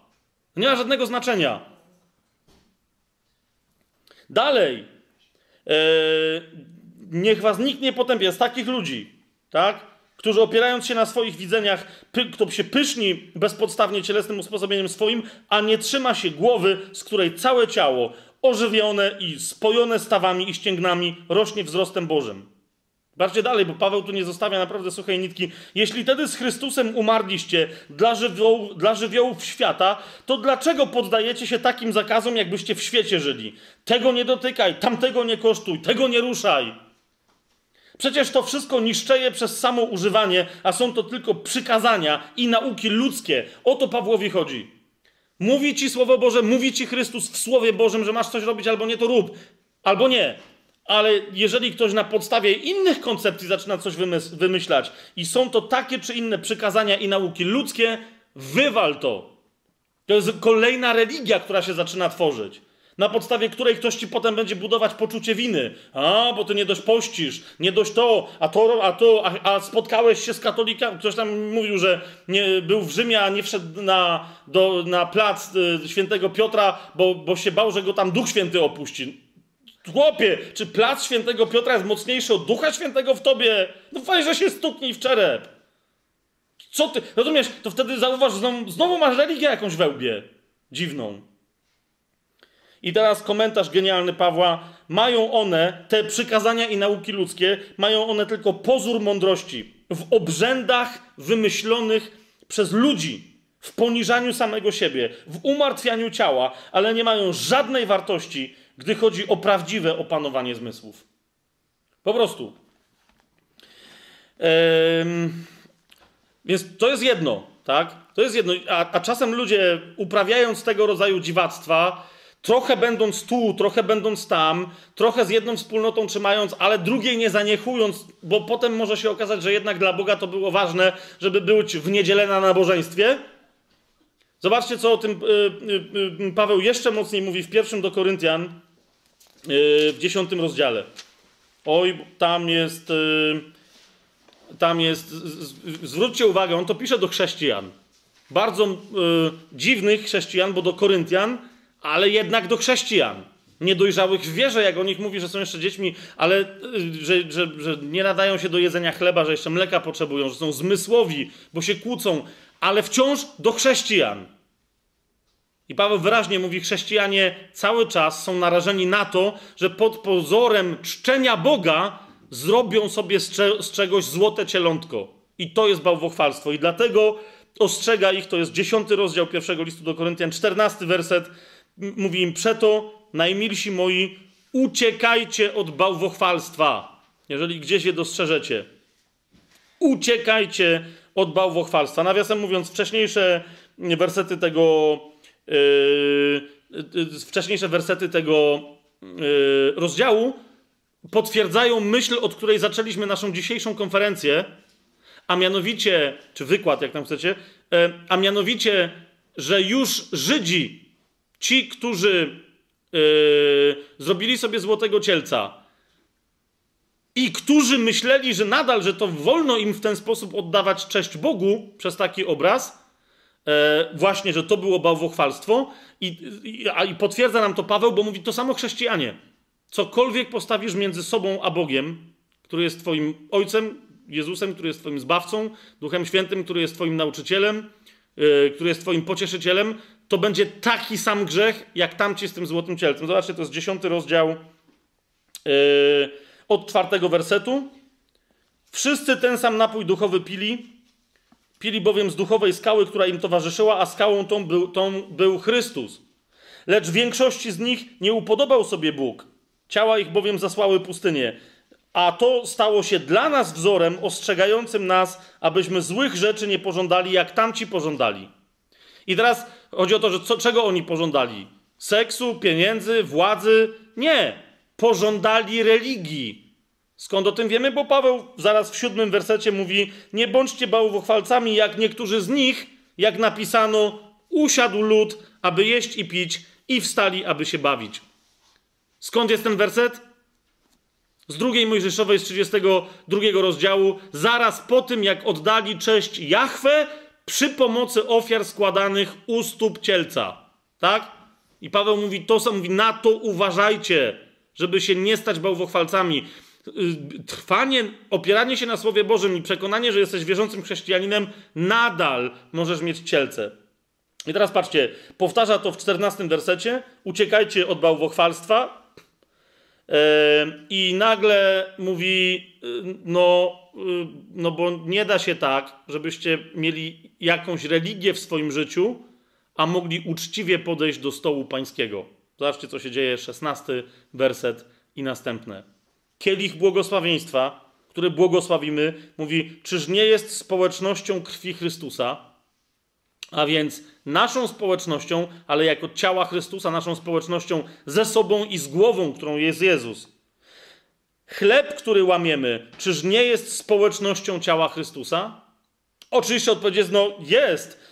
To, to mówi dalej, to ponieważ jest jeden chleb, my Ilu nas jest, stanowimy jedno ciało. Wszyscy bowiem jesteśmy uczestnikami jednego chleba. Teraz, jeżeli jesteśmy uczestnikami jednego chleba, mówi Paweł, to nie wnoście w społeczność tego chleba. Jeszcze raz powtarzam, nie wnoście w społeczność tego chleba żadnego bałwochwalstwa w swoim sercu, z zewnątrz, skąd inąd, z miejsc, w których czci się demony. Nie możesz stać w rozkroku między stołem pańskim a stołem demonów. Nawet jeżeli w domu sobie robisz tylko coś, co uważasz, że a, tak dodaje sobie do mojego chrześcijaństewka. Zobaczcie, co dalej mówi Paweł. 18 werset. Patrzcie na Izraela według ciała. Czyż ci, którzy spożywają ofiary tam też nie są uczestnikami jednego ołtarza? Oczywiście, że tak. To mówi, cóż więc ja chcę przez to porównanie powiedzieć? Czy to, że mięso składane w ofierze bałwanom jest czymś więcej niż mięsem? Albo że bożek jest czymś więcej niż bałwanem? Nie. Mięso jest mięsem, kult jest tam kultem, bożek jest bożkiem, za nim może stać demon, może nie stać. Chodzi o to, że jeżeli dopuszczasz jakiekolwiek fałszywe zachowania, które właśnie te widzialne, do tego, co ma w naszym wyznaniu być kultem niewidzialnym, to co się dzieje? Patrz, 20 werset. Nie, chcę powiedzieć, że to, co składają w ofierze, tak czy siak, bym dodał, ofiarują demonom. Czy oni tam w to wierzą, czy nie? Jeden wie, że tam jest demon, drugi coś robi tylko na szczęście. Tylko na szczęście, żeby się w razie czego zabezpieczyć. Mówi, skoro nie składają tego Bogu, to składają demonom. Zobacz, ofiarują demonom, a nie Bogu. Ja zaś nie chcę, abyście mieli społeczność z demonami. I tu jest 21 werset, potężne uderzenie. Nie możecie pić kielicha pańskiego i kielicha demonów. Nie możecie być uczestnikami stołu pańskiego i stołu demonów. Albo czy chcemy Pana pobudzać do gniewu? Czy mocniejsi jesteśmy od Niego?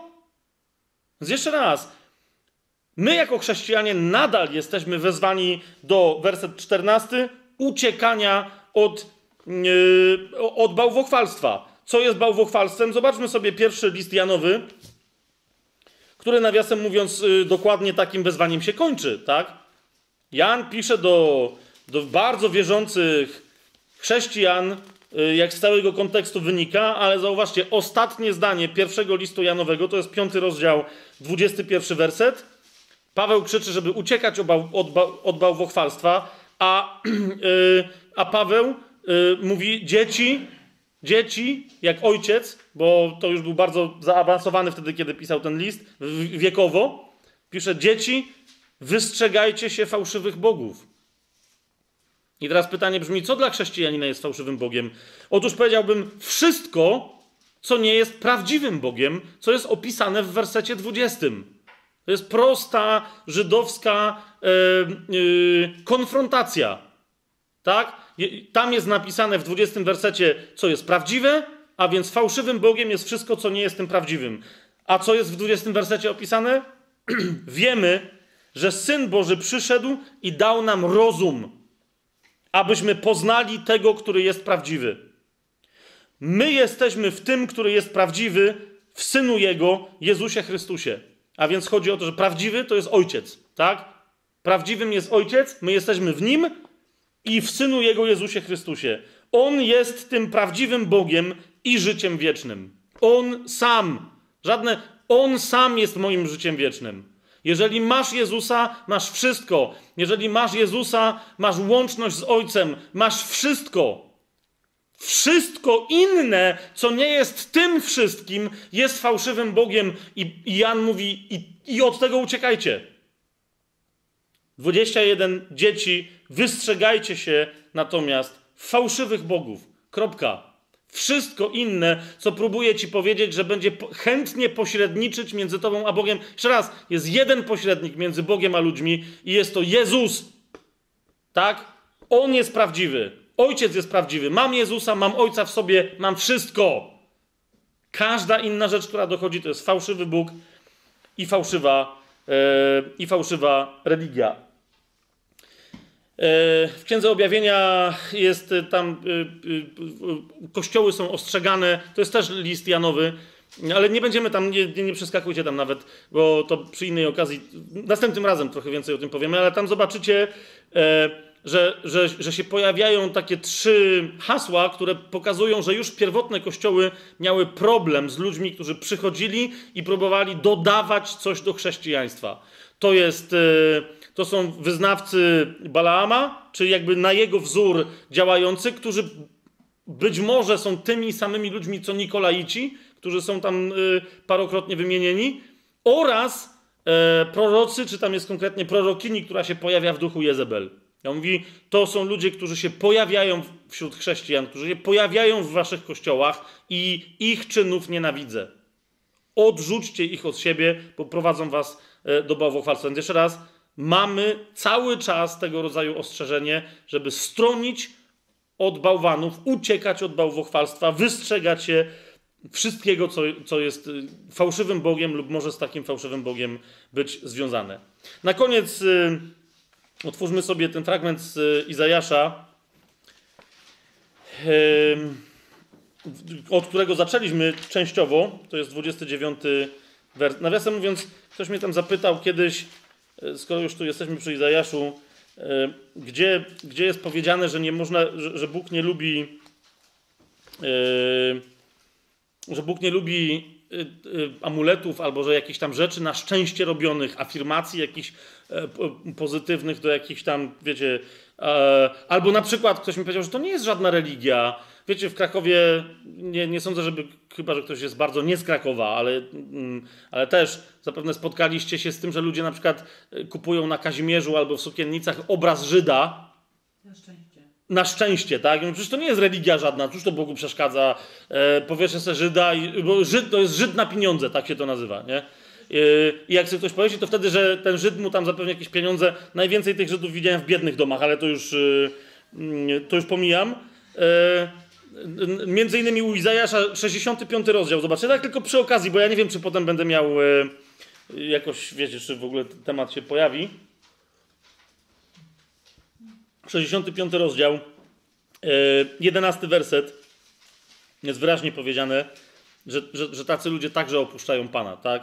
Was, którzy opuściliście Pana, którzy zapomnieliście o mojej świętej górze, a którzy w zamian za to bóstwu szczęścia zastawiacie stół, a bogini losu podajecie kielichy pełne przyprawionego wina. Was przeznaczam pod miecz. To jest 65 yy, yy, rozdział, tak?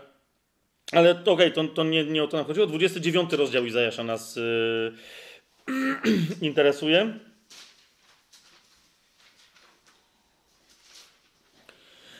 Żebyście widzieli, że naprawdę y, pismo jest jedno i jest spójne. To, co przed chwilą powiedziałem, chrześcijanie cały czas robią to, o co Bogu zawsze, zawsze chodziło. Tak? Niektórzy mówią, że nie, ale potrzebne są pewne wiesz, struktury, porządki. Ja nie wiem, że nie. Tak? Kiedyś się nabijaliśmy, czy jak na przykład gdzieś się zawiąże jakiś kościół i ten kościół się u kogoś w domu spotyka i się umówią dla pewnego, wiecie, żeby sobie uporządkować tydzień, że na przykład spotykamy się co tydzień, nie wiem, w sobotę o 19, czy to już nie jest religia? Bo sobie coś uporządkowaliśmy. Ej, no bez jaj, w sensie, no tak, dla pewnego porządku. Halo, no nie chodzi o to, żeby, ale niektórzy wciąż dopóki nie mają, wiecie, otoczki jakiejś religijnej, tak? Niekoniecznie takiej jak jakiejś bardzo, wiecie, kultycznej, to, to nadal mają jakiś, jakiś lęk w sobie. I e, w 29 rozdziale o tym Pan tak mówi. E, najpierw 11 werset 13. Dlatego, z widzeniem tego wszystkiego jest u was tak, jak ze słowami zapieczętowanej księgi. Gdy się ją poda temu, który umie czytać, i powie mu się, przeczytaj to proszę, wtedy on odpowiada, nie potrafię, bo to jest zapieczętowane. A gdy się poda księgę takiemu, który nie umie czytać i powie mu się, przeczytaj to proszę, wtedy on odpowiada, ale nie umiem czytać. Rzeczę więc Pan, ponieważ ten lud zbliża się do mnie swoimi ustami i czci mnie tylko swoimi wargami, ale jego serce jest daleko ode mnie, także ich bojaźń przede mną jest wyuczonym przepisem ludzkim to dlatego ja będę nadal dziwnie postępował z tym ludem i tak dalej, i tak dalej, i tak dalej. Tak?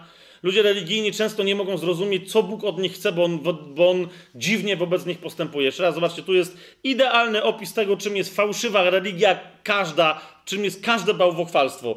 To jest czczenie Boga wargami oraz mm, uprawianie takiej czy innej pobożności, która u Izajasza się nazywa bojaźnią Bożą, ale która wynika z wyuczonego przepisu ludzkiego. Masa ludzi mówi, no ale przecież wiesz, ja, my, my mamy taką tradycję. U mnie w rodzinie zawsze, ja od małego tak robię. Kolejne wymówki. A Bóg to mówi, no ale to się nie dziw, że ja wobec ciebie będę nadal dziwnie postępował z tym ludem. Cudownie i dziwnie. I zginie mądrość jego mędrców. Tak? Nie dziw się, ponieważ masz chodzić za mną. Jak nie wiesz, co ja do ciebie mówię, to, to się pytaj. Jak do ciebie mówię, a nie rozumiesz, to ci powtórzę, ale niech ci zależy tylko na mnie, a nie na tym, co ludzie ci wymyślili i ci mówią, że to jest przepis Boży. E, piętnasty werset. Biada tym, którzy głęboko ukrywają przed Panem swój zamysł, których działanie odbywa się w ciemności i którzy mówią, któż nas widzi, kto o nas wie. O jak przewrotni jesteście. To są znowu ludzie, którzy mówią: My nie czcimy Boga przez obrazy, my, ale wciąż nie są przed Panem do końca otwarci. Nie, jak mówi Dawid, nie wylewają przed Panem całego swojego serca. Tak? To są ludzie, którzy mówią, niech. E, o, mnóstwo ludzi, widzicie, to jest kolejna, kolejna rzecz, tak? Jeden z największych bożków dzisiaj wśród chrześcijan. Ludzie na przykład często przychodzą do mnie e, od lat i się pytają, kim ja jestem, jak mam realizować swoje życie. Mówią, a potem jak się nawracają, mówią, e, jak mam pełnić wolę Bożą. Otóż widzisz, i mówią, czemu Bóg mi nie odpowiada, ja się go pytam. No dlatego, że większość z nas, mówię też o sobie, często tak ma, mam. Mam. Pytamy Boga, Boże, jaka jest Twoja wola? Ale nie dlatego, że mamy w sobie stuprocentową gotowość, że jak się dowiemy, to to zrobimy. Rozumiecie? Się chcemy zapytać, żeby się dowiedzieć i potem rozważyć, na ile się zaangażujemy. To jest kolejne bałwochwalstwo. I tu o tym, o tym on mówi: biada tym, którzy głęboko ukrywają przed Panem swój zamysł, tak jakby się dało ukryć. Rozumiesz? Ja przecież samo sobie teraz mówię. No Boże, to co ja mam robić? Ale tak naprawdę w sercu myślę sobie, okej, okay, ale jak Bóg mi powie, że mam, nie wiem, oddać samochód i dom, którego i tak nie mam, ale na przykład nie będzie mnie wtedy stać na to, żeby go wynająć. Jest takie, no ta powiedz mi Boże i naprawdę potem zrobię wszystko, żeby się zaangażować normalnie na stówę, no nie? Nie! Dopóki Bóg widzi, że masz jakiś ukryty zamysł, że nie masz pewności, żeby za nim iść, to po co pitolisz głupotę, że niech będzie wola twoja? Naprawdę jest pitolenie wtedy. Ja też tak czasem pitolę, więc dlatego to mówię, a tak naprawdę się wkurzam sam na siebie. O jak przewrotni jesteście. Znaczy, jaki jest komentarz w 16 wersecie. Tak, jak gdyby można garncarza stawiać na równi z gliną. Mówi, kim ty jesteś, człowieku? Jak gdyby dzieło mogło o swoim twórcy powiedzieć, nie on mnie stworzył. Albo jakby garczek miał o garncarzu powiedzieć, on nic nie umie.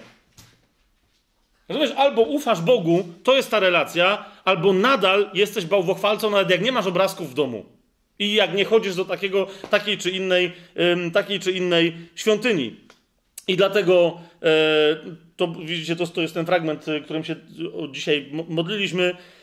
E, dlatego 22, 24 werset. Dlatego tak mówi Pan, Bóg domu Jakuba, ten, który odkupił Abrahama.